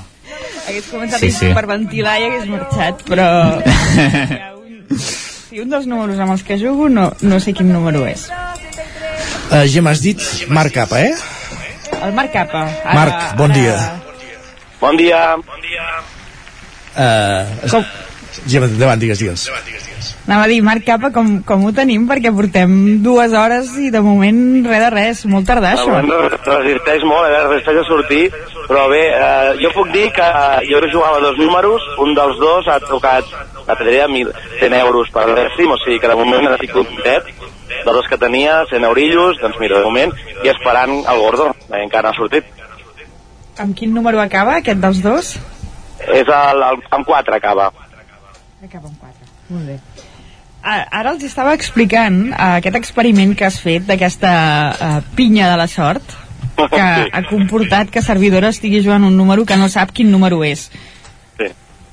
Es, explica una doncs mica vam d'on fer- surt això. vam- Bueno, això va surt doncs, d'una idea que vam tenir de fer uns dècims sorpresa i que posar-los en un lloc, en comptes de tenir-los penjats com tenen les administracions, doncs posar-los en un element que és eh, típic d'aquí Sant Feliu, com és la, la pinya, una pinya pinyonera, doncs eh, vam inventar això, que un element que és la pinya, i vam fer com una pinya grossa de Porexpan i de color d'or, perquè l'or és la, la, la sort, i doncs vam crear aquest element, i en aquest element hi vam posar dècims tancats amb un sobre, tot ple de dècims, i la gent comprava cegues un número sense saber quin era. I la gràcia vam inventar doncs, que eh, aquest eh, dècim no s'obrís fins per al sorteig, i, amb si hi havia més sort d'aquesta manera. Res, un joc doncs, per, per intentar doncs, eh, incentivar les ventes, bàsicament és aquesta la, la raó. Marc, disculpa'ns un moment, perquè teníem pendent de saber aquest eh, tercer cinquè premi que ha sortit on havia anat a parar, Sergi? Doncs mira, el número 88.509 ara, ara es- està repartit per tota Espanya, uh, començant per Pamplona, a la Comunitat Valenciana, també aquí a Catalunya, en concret a Montgat i a Barcelona, però també al sud d'Espanya com Jaén, Màlaga, Sevilla i també a, a Madrid. És el fenomen que comentava abans amb en Mar Rosa de l'administració de Ripoll que això, quan es ven un número per terminal pot ser que, que quedi molt repartit i al final potser eh, aquella administració només ha venut un, un dècim uh, Marc, i d'on surt aquesta idea de fer això, de, el número sorpresa? Ha tingut molta acceptació? Sí, moltíssima, moltíssima. Tot el que són idees noves i innovadores doncs li agrada molt i ha sortit doncs, de, de, de, de la nostra ment, vull dir, no ha sortit enlloc més que pensar doncs, com fer una cosa diferent i, i per això, el que et dic, la, la raó principal és incentivar les ventes i va sortir de nosaltres. I volíem un element característic del poble i com que Sant Feliu de Codines és un poble on hi ha molts pins pinyoners, doncs vam pensar que la pinya seria un element molt característic nostre. I vosaltres sabeu quins números hi ha a dins? O sigui, si, No, no, si... no, no. Nosaltres treiem dècims automàtics de la màquina i els posàvem dintre un sobre, amagats, sense, cap, sense saber-ho nosaltres ni res, bàsicament perquè si no seria, seria molt difícil que, que no ens en quedéssim un nosaltres i, i res, doncs això, que els posàvem tal qual i, i sense mirar res. Com han anat les vendes aquest any, Marc? Perquè llegíem que a nivell eh, general a, a Catalunya s'ha jugat més que altres anys. No sé si Sant Feliu segueix la dinàmica catalana. S'ha jugat molt, molt, Gemma. Hem, hem vengut eh, molt més, hem augmentat les ventes molt. Venim de, lògicament venim d'aquesta pandèmia, veníem de, de gent que no sortia a comprar o gent que només sortia a comprar un o dos i anaven cap a casa i aquest any, doncs, clar, la gent ha sortit, a, a, a, a, tenies ganes de, de comprar i doncs la, la venda s'ha notat molt, s'ha pujat molt la venda, molt, molt. I a què ho atribuïu? La gent té ganes de, de què, diguéssim, no? El fet de... la gent té ganes doncs, de, de poder jugar una hipoteca que ha pujat, la gent té ganes de, de poder-se fer una, un, un dinar una mica més esplèndid del que es podran fer i que, bé, doncs eh, la il·lusió, el Nadal és il·lusió i al final eh, regalar un dècim també agrada molt. Jo crec que hi ha molta gent que amb això m'ha anat molt bé en aquest sentit, això de la pinya de la sort, perquè en, en, la gent regalava, el, directament el comprava però per regalar, saps? Una mica invisible, però regalem un dècim, saps? Era com... No sé qui atribueixo, però atribueixo jo crec que això, doncs que la gent pensa que per 20 euros, mira, pot passar el que, el que ha de passar, no? En aquest cas, doncs jo per 20 euros he donat 100 euros a, a un dècim, per exemple. Mira, n'has guanyat 80. Quanta gent ja ha participat en aquesta pinya i amb quants diners, Ui, diguéssim? no ho sé, Molta. no ho sé, això és impossible, això és impossible saber-ho. Però que al dia es venien uns 200 dècims en aquesta pinya segur. Segur, segur, s'acabaven omplint, omplint, omplint, no teníem temps de... Si es buidava i s'omplia, es buidava i s'omplia, jo crec que sí, que 200 al dia es venien, més o menys. déu nhi doncs és tot Uau, un... això és molt, eh? No, no m'esperava per res, aquesta per resposta. nosaltres, no, per, per una administració com la meva petiteta és molt, està molt bé. Vull dir, no, no, no és una cosa... Lògicament, eh, les ventes s'incentiven molt a quan en una setmaneta només. Ahir, ahir va ser un boom, ahir era una passada, hi havia cua perquè la gent a l'últim moment, saps? Gent que no saps ni qui són ni no en venen i et compren dècims i, saps? I, bueno, i això, busquen la sort on sigui. I de cara a altres anys, per exemple, i ara què, què passarà? Un cop passa avui, quan comença la, la dinàmica del sorteig de, de Reis? I no sé si també aquesta mateixa filera hi és. Reis és un sorteig molt diferent, molt, molt, molt diferent. Tenim menys dies de venda. Els Reis comencen a, a vendre pel terminal, s'engeguen el 25 de novembre, una cosa així, més, si fas uns càlculs, és un mes i mig que, que tens de venda. Uh, I mm, és, un, és molt diferent. Lògicament, el bo per nosaltres és que si tu dones una mica de premi amb algun número, eh, el pots canviar per un niño, saps? O sigui, en aquest cas, doncs jo, doncs amb aquests 100 euros que donaré del meu número, doncs lògicament diré 100 i un niño, o sigui, restem-ne 20 i fem un niño, saps? I eh, és molt fàcil que te'l diguin que sí. Eh, en canvi, si no toca res, després tornar a donar 20 euros per un niño costa una mica més. Però bé, és un sorteig molt més menor, els premis també són menors, i la venda és també menor, o sigui, en aquest cas, per cada número de, del niño hi han, um, hi han eh, no, vull- no vull enganyar, eh? hi han 500 dècims de cada número. En un sorteig de, de Nadal hi han eh, 10.000 números de cada, de cada dècim. Vull dir, és molt... Ei, 10.000 no, 2.000, perdó, 2.000 números de cada dècim, ni, el niño són 500. És molt menor, saps? Vull dir que... El, abans comentàvem el, el fenomen aquest dels terminals. Vosaltres heu estat agraciats o heu venut eh, premis eh, importants en els darrers anys? Sí, sí, sí, jo, sí, sí, jo el 2018, no sé si la Gemma us ho ha comentat, el 2018 amb un, amb un dècim d'aquests terminal, doncs vaig donar el gordo de Nadal, vaig donar un dècim del gordo de Nadal i va ser espectacular, és un número lleig, un número que no et demanaria ningú perquè hi ha números macos i lletjos, vull dir, tots hi són, no? Però alguns que comencen amb zero no agraden tant i vaig donar el, el 33.047, un, un dècim, doncs, bueno, que acaba en set agradat molt, però en aquest cas em vaig donar un, i fa, i aquest any he donat una, una bona loto de 170.000 euros, també, vull dir, sí, sí, quan més gent jugues, més d'allò, més, més, més pots donar de premi, lògicament. Ep, ep, la grossa, la grossa, la grossa, la grossa. Hòstia, digue'm.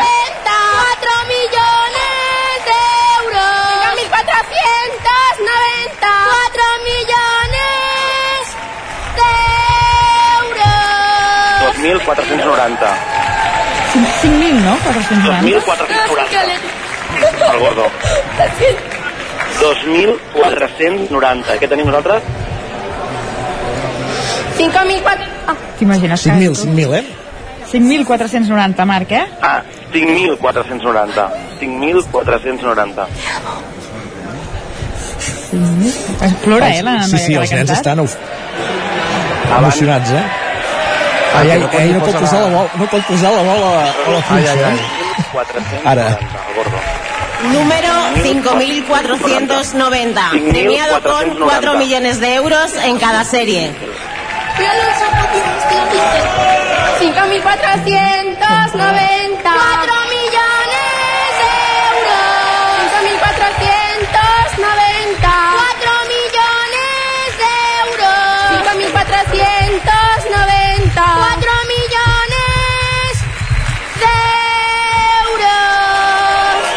5.494 milions d'euros la grossa de Nadal d'aquest 2022 ha sortit quan passen 22 minuts, gairebé 23 de les 11 del matí, ja tenim la grossa eh, i ara sabeu on ha anat a, a parar el tens Marc aquest o no? Uf, m'acaba d'agafar un, un, una alegria al cos. Uh, no, aquest no el tenim, aquest no el tenim. Doncs ja sabem, ja sabem on ha tocat, eh? Doncs digue, Sergi. On ha tocat? Doncs, mira, ha tocat per tota Espanya, però per tot arreu, eh? Uh, Dispara, va. Ha tocat a Corunya, ha tocat a Lugo, ha tocat a Astúries, a Almeria, a Madrid, a Barberà del Vallès, aquí a Barcelona, a León, a Bilbao un altre cop, a Alicante, a Castellón, a Madrid, Madrid, Sevilla, Valladolid. Mira'l. També he trucat a la Santa Cruz de Tenerife, a Múrcia, a, aquí a Barcelona. I entenem que hi havia algú que el té al Teatre Real de Madrid, eh? perquè ja, ja veiem imatges de gent emocionada Sí. entre el públic. Impressionant. De fet, tam, tam, Motivats, eh? Sí, eh? també ha tocat a la província de Girona, a Platja d'Aro en concret. Ha tocat, eh? Ha tocat aquí, eh? A la Teatre Real, eh? A Platja d'Aro, deies? Perdona, Sergi? A Platja d'Aro. Platja d'Aro també ha tocat un, un premi. Molt bé. Doncs acabarem de desxifrar d'on ens ha venut aquest 5.490, la grossa de Nadal d'aquest any. Marc, moltíssimes gràcies per atendre'ns just en aquest moment de caos, eh? Uh, gràcies per exportar la teva experiència, també. Gràcies a vosaltres, gràcies. Bon dia. Gràcies, Marc. Gemma, Caral, eh, ja us he vist totes mirant els vostres números. El teniu, aquest o no? Aquest no, aquest no. Ara, mira, co- comentava el Marc que aquest any que va donar la grossa va ser, va ser molt divertit perquè va ser un, un premi d'aquests de terminal, que van ser tres números de la grossa, una Granollers, una Cardedeu i aquest a Sant Feliu, 1.400.000 euros. I, I va ser eh, bonic també pel Marc perquè era l'any que ell havia mm, pagat el traspàs de la botiga. La, la seva administració és el quiosc d'aquí la plaça, que és qui ven diaris, és papereria i també és administració de, de loteries i ell havia deixat la seva feina de tota la vida per jugar-se-la i agafar aquest negoci va ser com un premi a, Home, a, bueno, a aquesta aposta. Doncs ara estàvem acabant de repassar això, és un número molt repartit en terminals, aquest 5.490 la grossa de Nadal d'aquest any i és això, un premi aquesta nova tendència de, de repartir els dècims en, terminals que poden sortir de tot arreu, a Catalunya veiem també l'Hospitalet de, de Llobregat, a Rubí Sant Vicenç de Castellet, al Bages. Eh, en fi eh, déu nhi les localitats on s'ha venut un pessic d'aquest primer premi de la loteria de Nadal el 5.490 que ha sortit quan passaven 20 minuts de, de les 11 del matí se us estava fent estrany aquest sorteig que hem estat gairebé dues hores sense premis Sí, molt estrany, molt estrany.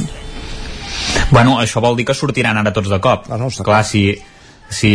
Però, però ostres, a, mi- a mi em sap greu, perquè a mi el, el gros de Nadal m'agrada que surti l'últim allò i a l'últim moment, eh? Això, a mi, si jo també sóc molt com el que dèiem Marc Ros abans, que, que com Oh, més però- tard surti, més emoció. però Marc ha apuntat I- l'hora eh? entre, entre 11 i 12 eh? Sí, sí, sí, sí, sí, ha, ha clavat bastant, eh? Ja, ja està bé, encara queda un tercer premi, un quart, que poder són els més, així, més grossos del, dels que queden, a veure sí, si... queda un tercer, si una... un quart i cinc cinquens encara I cinc cinquens, sí, que aquests ja són més petits, però, però bé.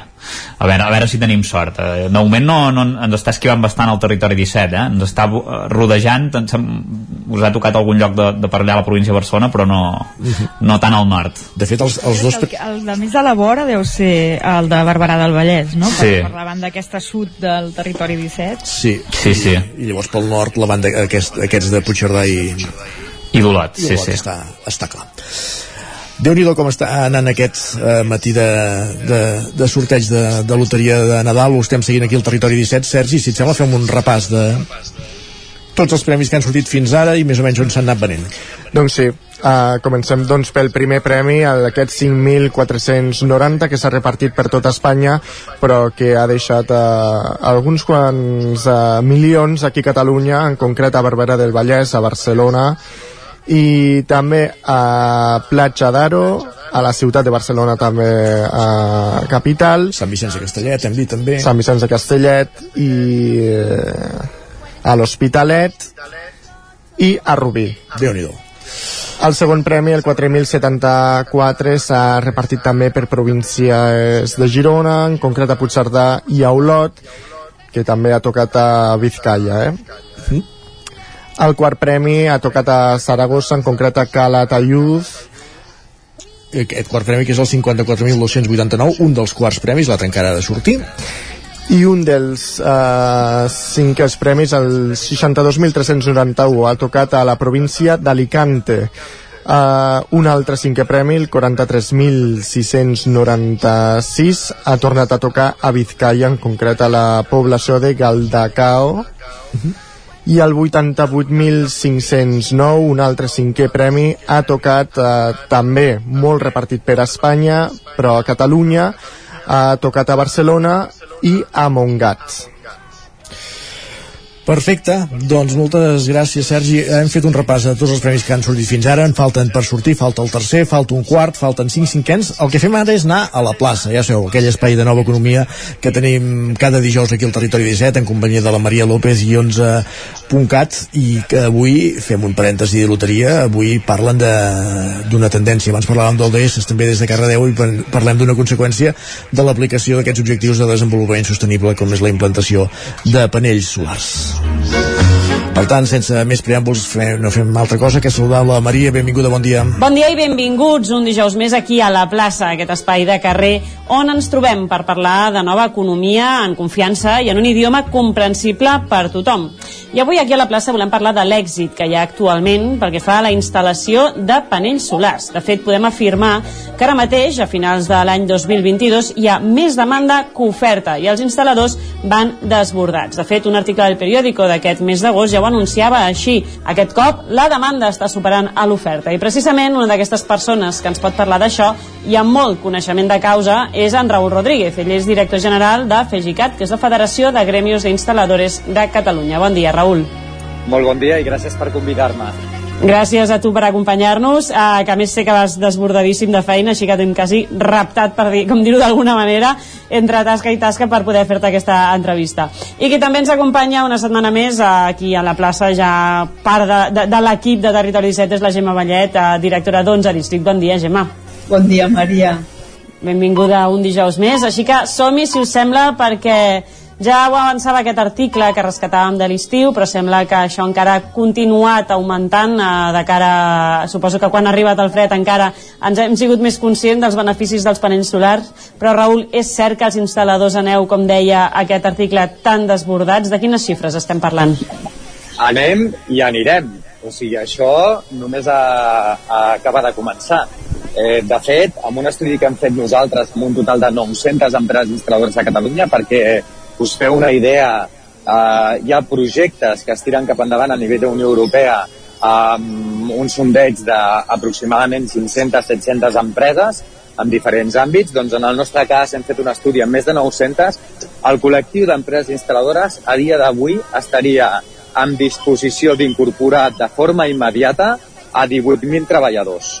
Uh. 18.000 treballadors que són molt, molts més dels afectats pel, pel futur tancament de la central nuclear de, de Vandelló-Jascó i per altra banda també pels afectats per la Nissan. O sigui, imaginem quin és el, la, el potencial que té el nostre sector. Penseu que això ara mateix és la motxilla de pedres que arrosseguem. És a dir, actualment les necessitats és de 18.000 treballadors. Però és que hem de pensar en quins són els objectius de desenvolupament sostenible que, com tu molt bé deies, doncs estan relacionats amb la instal·lació de plaques solars fotovoltaiques, amb el tema d'autoconsum, amb el tema de generació centralitzada, però també amb altres tipus de tecnologies que ens ajudin a reduir les emissions d'efecte hivernacle, que hem de recordar que pel 2050 el, el compromís de la Unió Europea és d'arribar a ser és zero eh, amb, amb temes d'emissions d'efecte de, de, hivernacle. No? Per tant, nosaltres eh, vam elaborar, juntament amb aquest, amb aquest sondeig amb les diferents empreses, un estudi de mercat en el qual eh, es posava de manifest, i això recolzat amb dades doncs, de la càtedra Naturgy i d'altres associacions importants en el camp de les energies renovables, en el qual de cara a 2050 necessitarem tenir 170.000 treballadors en el sector. És a dir, estem parlant d'un dels sectors més potents i amb més projecció de futur i amb, a més a més que cal tenir en compte que totes aquestes persones que s'incorporin en aquest sector estan sota el paraigües del conveni hidrometal·lúrgic. Això què vol dir? Això vol dir que estem parlant de salaris mínims, mínims, de 1.500 euros nets al mes en 14 pagues. Molts més que els que ofereixen qualsevol altre sector i, a més a més, amb una projecció de futur impressionant.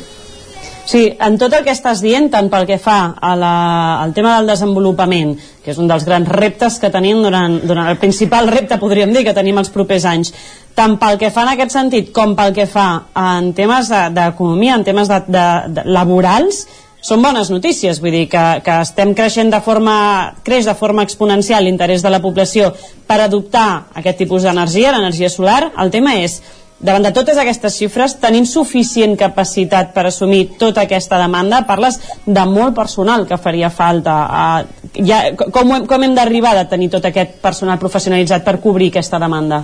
Ara, ara mateix el desequilibri en el mercat laboral és immens.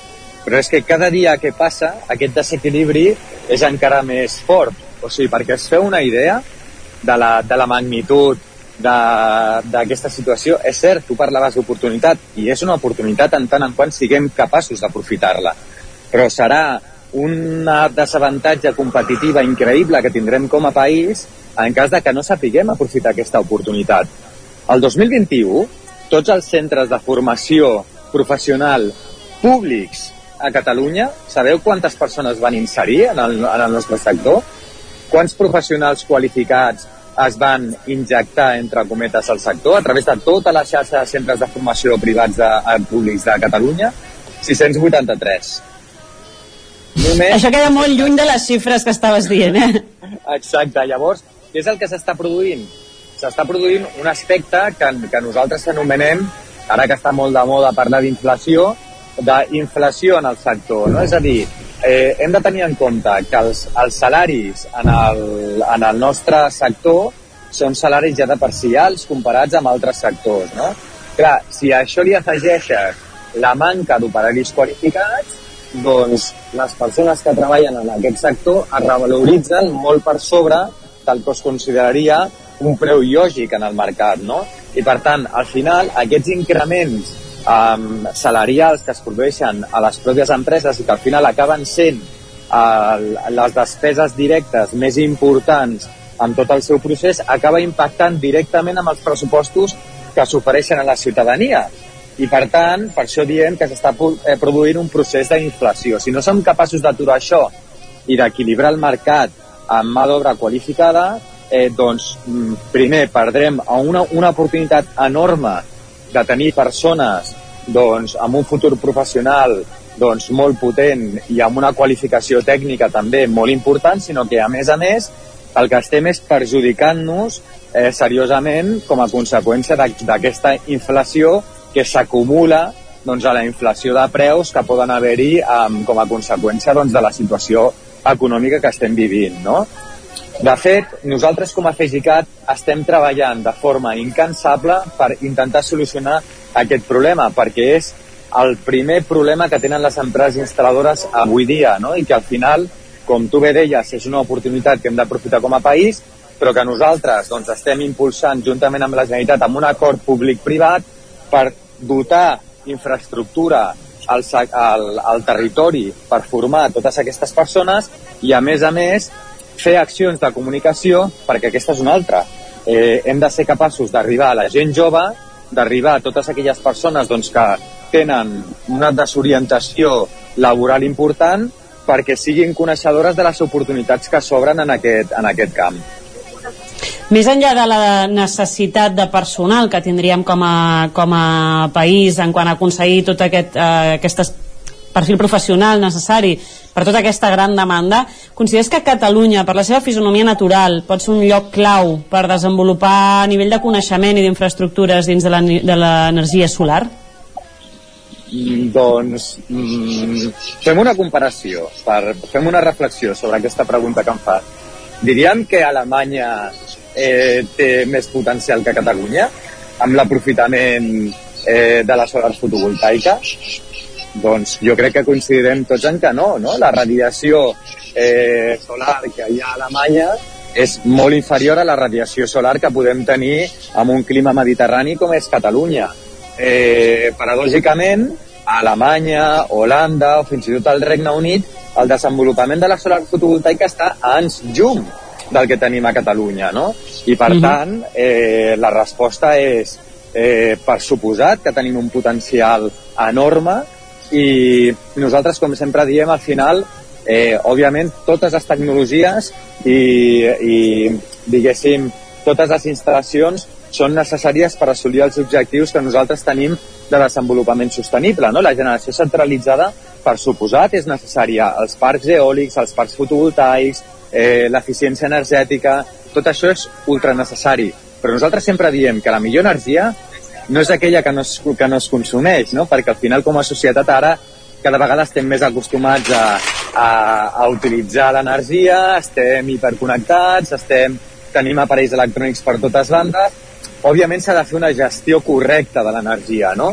Però bueno, difícilment serà, podrem baixar a, a consums eh, doncs molt, molt més baixos, no? Doncs el que hem de fer és intentar autogenerar la nostra pròpia energia, no? autoconsumir la nostra pròpia energia.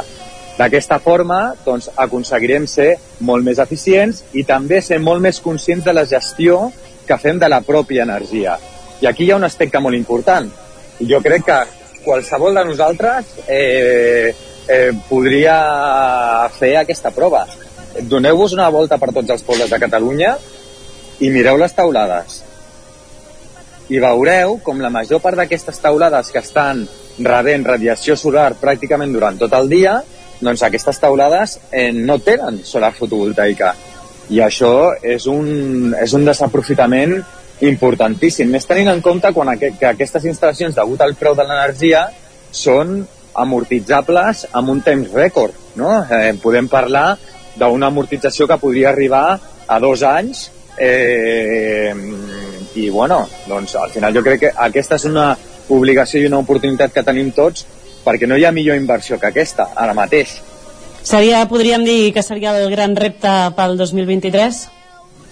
és un gran repte que tenim pel 2023, no només per, la, per, les, per la, la, les organitzacions privades, sinó també per l'administració pública. L'administració pública és també corresponsable del, del no desplegament eh, majoritari de les energies renovables i hem de ser conscients també que l'àmbit municipal té una responsabilitat aquí enorme. No? Hi ha plans eh, dins dels programes polítics que parlen del desenvolupament eh, sostenible, que parlen de la instal·lació d'aquestes eh, plaques solars fotovoltaiques, eh, però veiem doncs, que hi ha moltes traves, moltíssimes traves administratives, no hi ha una homogeneïtzació que faciliti a la implantació d'aquestes energies renovables en el territori i si a més a més això ho juntem amb els pocs incentius a vegades que es donen fiscals eh, i la, la gran diferència que hi ha entre, entre municipis doncs és la tempesta perfecta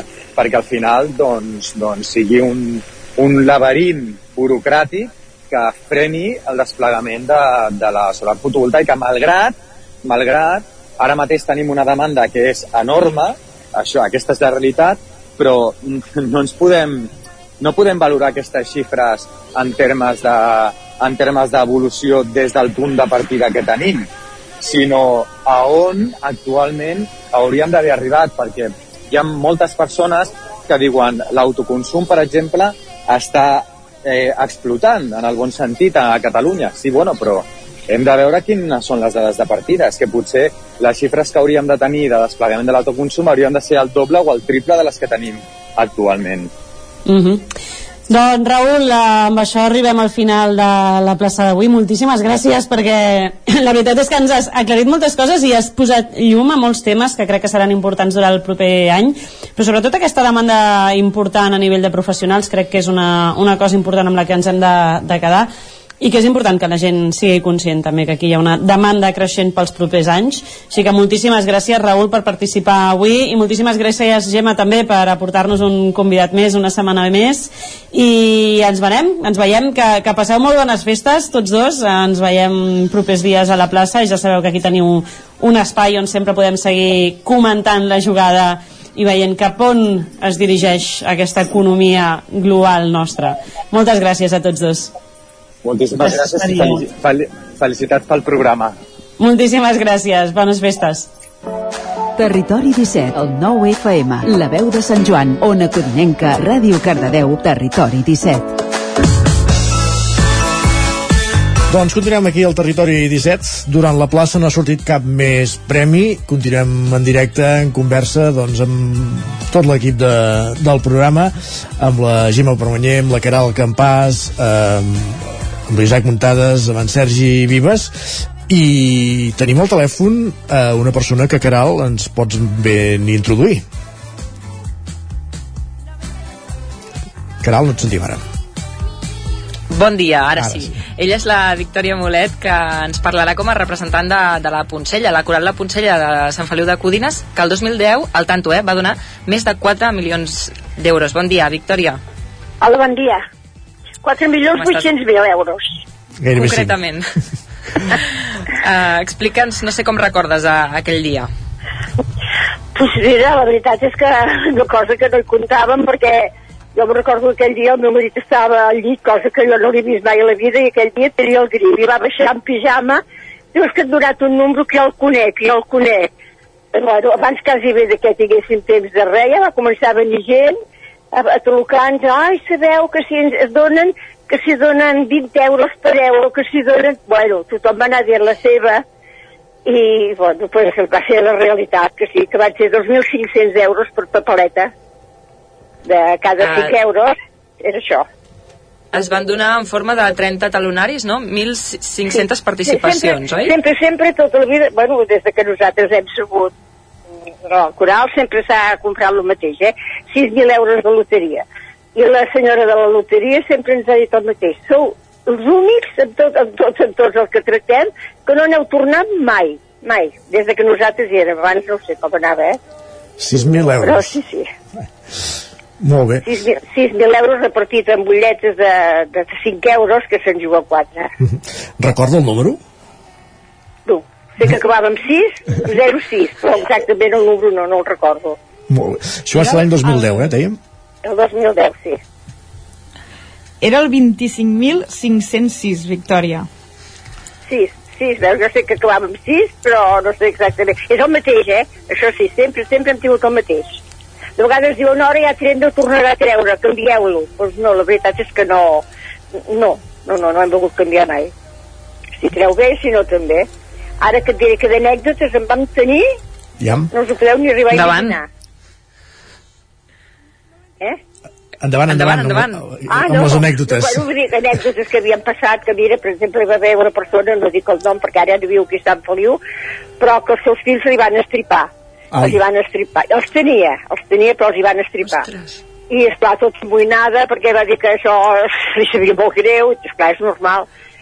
I va parlar amb els del banc, i el Josep, que era el president, va, va, va, va, anar davant amb ella i van anar a la caixa i eh, els hi van abonar. Com que tenia els trossos, els hi van Ah, abonar, eh? vull dir que vull dir, els, hi van, els hi van pagar igual.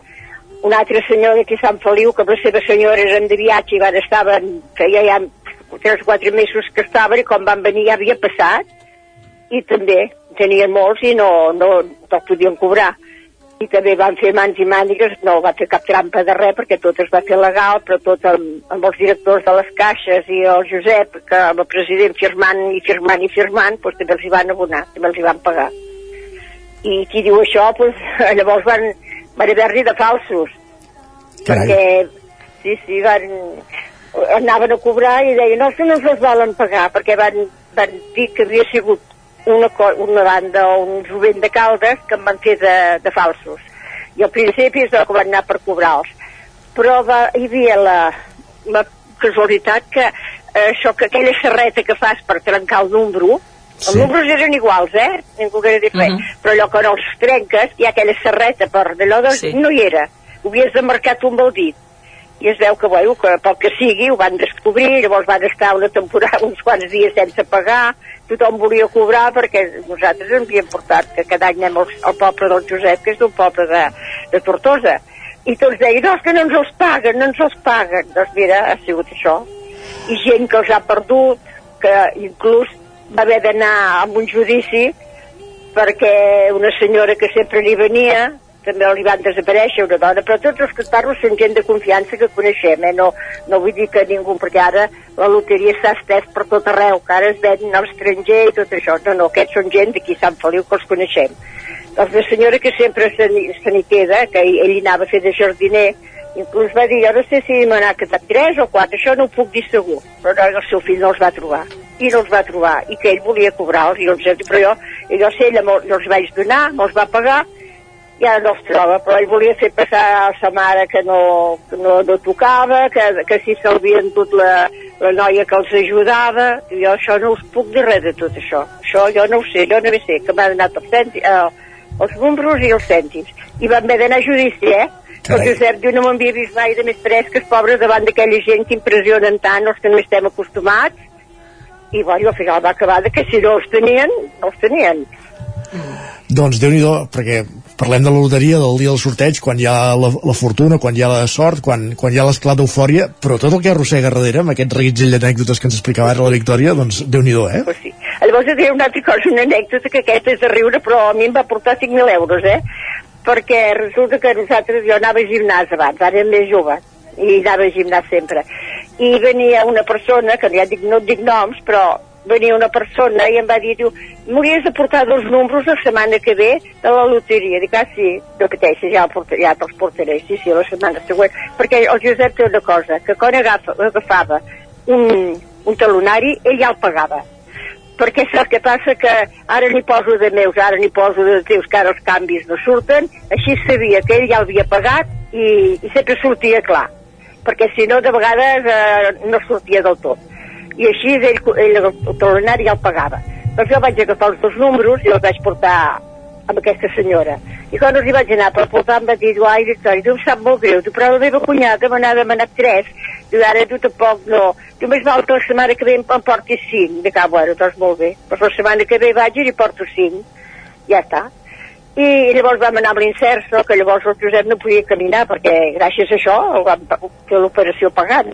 Doncs el van operar, el havien d'operar a la cadera. Però vam anar d'excursió i com que no podia caminar, quedava a l'hotel ell.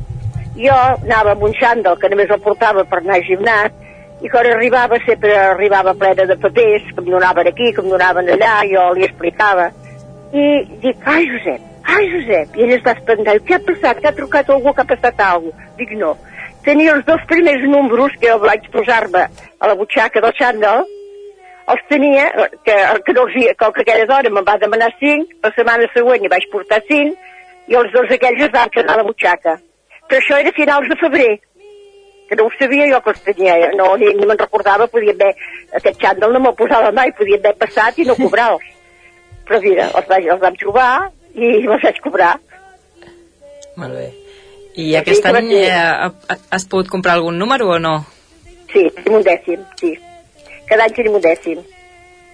Ah, El no mateix, que eh, premi, deies? Sí, sí, sí, sempre el mateix. Val, val. El mateix. En tinc d'altres, perquè et diré una cosa, que ara la veritat és que ningú va tan just com anàvem, però quan jo era joveneta hi havia una meva amiga que ara és morta, doncs cada setmana, cada setmana posàvem cinc pessetes en un pot per comprar loteria de Nadal. Imagina't tu cinc pessetes, eh? I per Nadal ens els gastàvem, el que hi havia, si hi havia 70 o 80, no sé el que hi havia, perquè abans era molt diferent d'ara.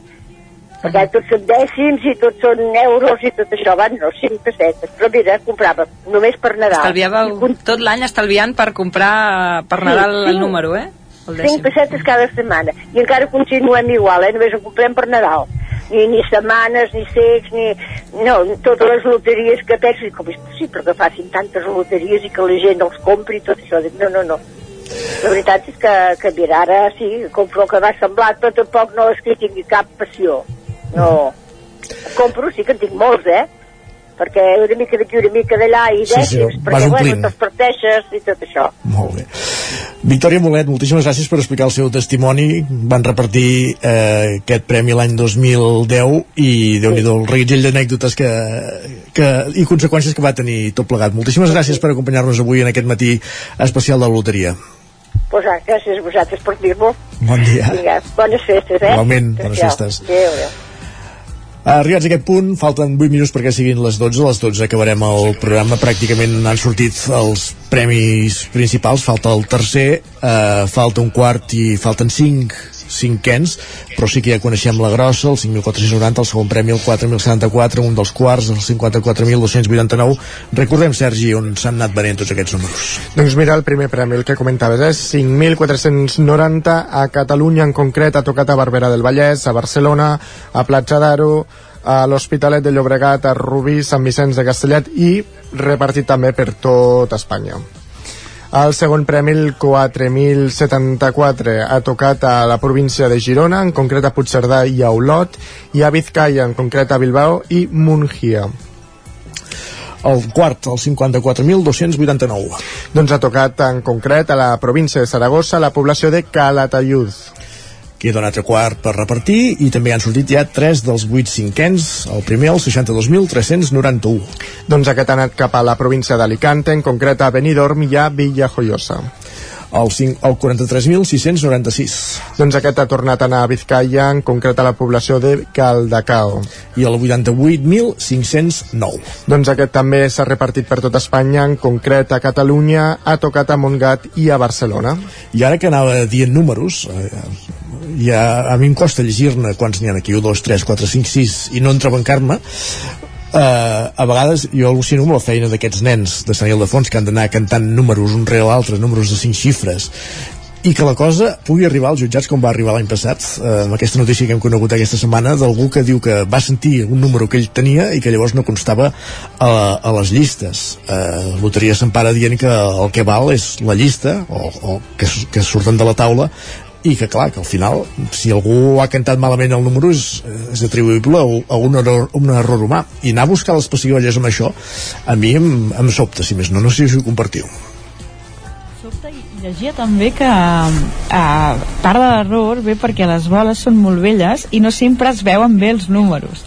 Allò que ens passa als miops que a vegades Sí. els buits semblen tresos doncs, doncs això No, però és que abans m'ha- fet gràcia quan ha sortit la grossa perquè aquell nen que estava tan emocionat i gairebé no podia ni, ni respirar, ni obrir la boca, ni llegir. Clar, tu imagina't en aquest context dir bé el número. Si de, de fet nosaltres estàvem recordo que estàvem aquí, que teníem en Marc eh, al telèfon del quios de Sant Feliu que ell anava dient, n'ha dit 2.000 i, i tu ja m'anaves corregint 5.000 tampoc acabàvem d'entendre ben bé el número. Doncs tu imagina't això 100 números consecutius en poc més de 10 minuts i que algú pretengui fer servir això per dir oh, eh, intentar impugnar el sorteig no? no sé, em sobta Al final el que val és el número que hi ha escrit a la bola, per tant, si en diu un altre, doncs no... és el que... sí, sí doncs per aquest cas això ha arribat a judici aquest any en fi, vaja és fort. Llegia també que, que el, ai, llegia, ho sentia aquest matí a rac que la, els números de les boles eh, són gravats amb làser. Sí. Perquè si estan pintats en pintura, depèn de la quantitat de pintura que hi ha, podria pesar més la bola i això podria fer que tingués més números que un altre Mm. de sortir. I per això es va optar per deixar-ho de fer en pintura i fer-ho amb làser. O sigui, I, i el, Digues, no, no, i, i, i una altra curiositat que el terra em sembla que hi ha moqueta del te, Teatro Real es diu on Sí. es fa el sorteig Sí, sí. perquè si les boles cauen al terra que pot passar en un moment de nervis així cantant no rodolin perquè no s'escapin que també és una cosa també, bueno hi ha moltes anècdotes. Ara em feia gràcia això que deia la Gemma que, que deia que les boles eren velles doncs per canviar-les en tenen per una estona perquè n'hi ha bastantes eh? però això em sobta perquè un any recordo que va ser notícia i no fa pas tant d'això que les boles les havien fet en una torneria de Sant Pere de Torelló. Uh, a partir i, i vam intentar llavors anys consecutius intentar refer la crònica. És una d'aquelles empreses que a vegades són hermètiques i que no, no, no tenen facilitat de parlar amb els mitjans i que no, que no et volen atendre. Però eh, alguna cosa que havíem extret és que les renovaven cada any i això em xoca precisament amb el fet aquest que diguin que les boles estan desgastades. Però vaja, en fi, són misteris d'aquells que haurem d'anar resolent mica, mica en mica però vaja, és curi- curiós tot el que envolta aquest sorteig, que de fet és la gràcia no, d'aquest matí de Nadal, perquè es podria fer un sorteig a l'USO, ara la tecnologia et permetria fer un sorteig en, en 5 minuts eh, digitalment i que es, continuï mantenint la, la tradició, doncs té, té, és part de la gràcia de, de matinals com, com aquesta. Estan trigant a sortir números per això encara, eh? Déu-n'hi-do, eh, semblava que la cosa es desencallava, però hem tornat a, a parar. Heu comprovat si en teniu cap d'aquests o no? No, no en tinc cap en tinc, en tinc un que acaba gairebé igual que la grossa. Acaba... Um, sí, canvia un número. Però no, no té premi em, No premi. els quartos i prou sí.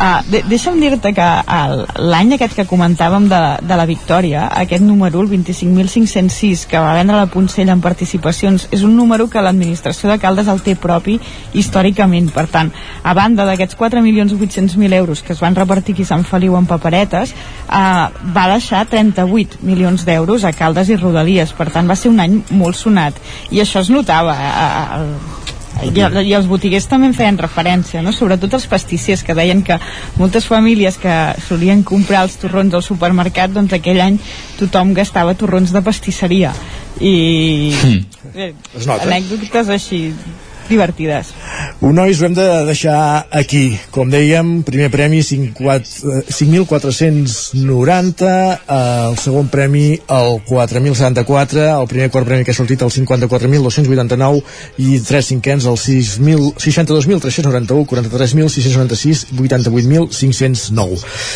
Caral Campàs, Gemma Permanyer, Isaac Montada, Sergi Vives, moltíssimes gràcies, un dia més, fins demà. Fins demà. A tu i bona sort. Gràcies. Gràcies, igualment. Gràcies. I aquí acabem el territori 17 d'avui, avui 22 de desembre, un programa que l'hem allargat una hora amb motiu d'aquest sorteig de la loteria de Nadal, una loteria que per ara ha estat esquiva al territori 17, eh, aquest primer premi molt repartit en sis municipis de la província de Barcelona i molts altres de la resta de l'estat espanyol, però que ha estat esquiu al territori 17 i aquest premi també, el segon premi en eh, Puigcerdà i Olot. Nosaltres hi tornem demà, fins aleshores. Bon dijous i gràcies per ser-hi, adéu-siau. Territori 17, un magazín del nou FM. La veu de Sant Joan, Ona Codinenca i Ràdio Cardedeu amb el suport de la xarxa.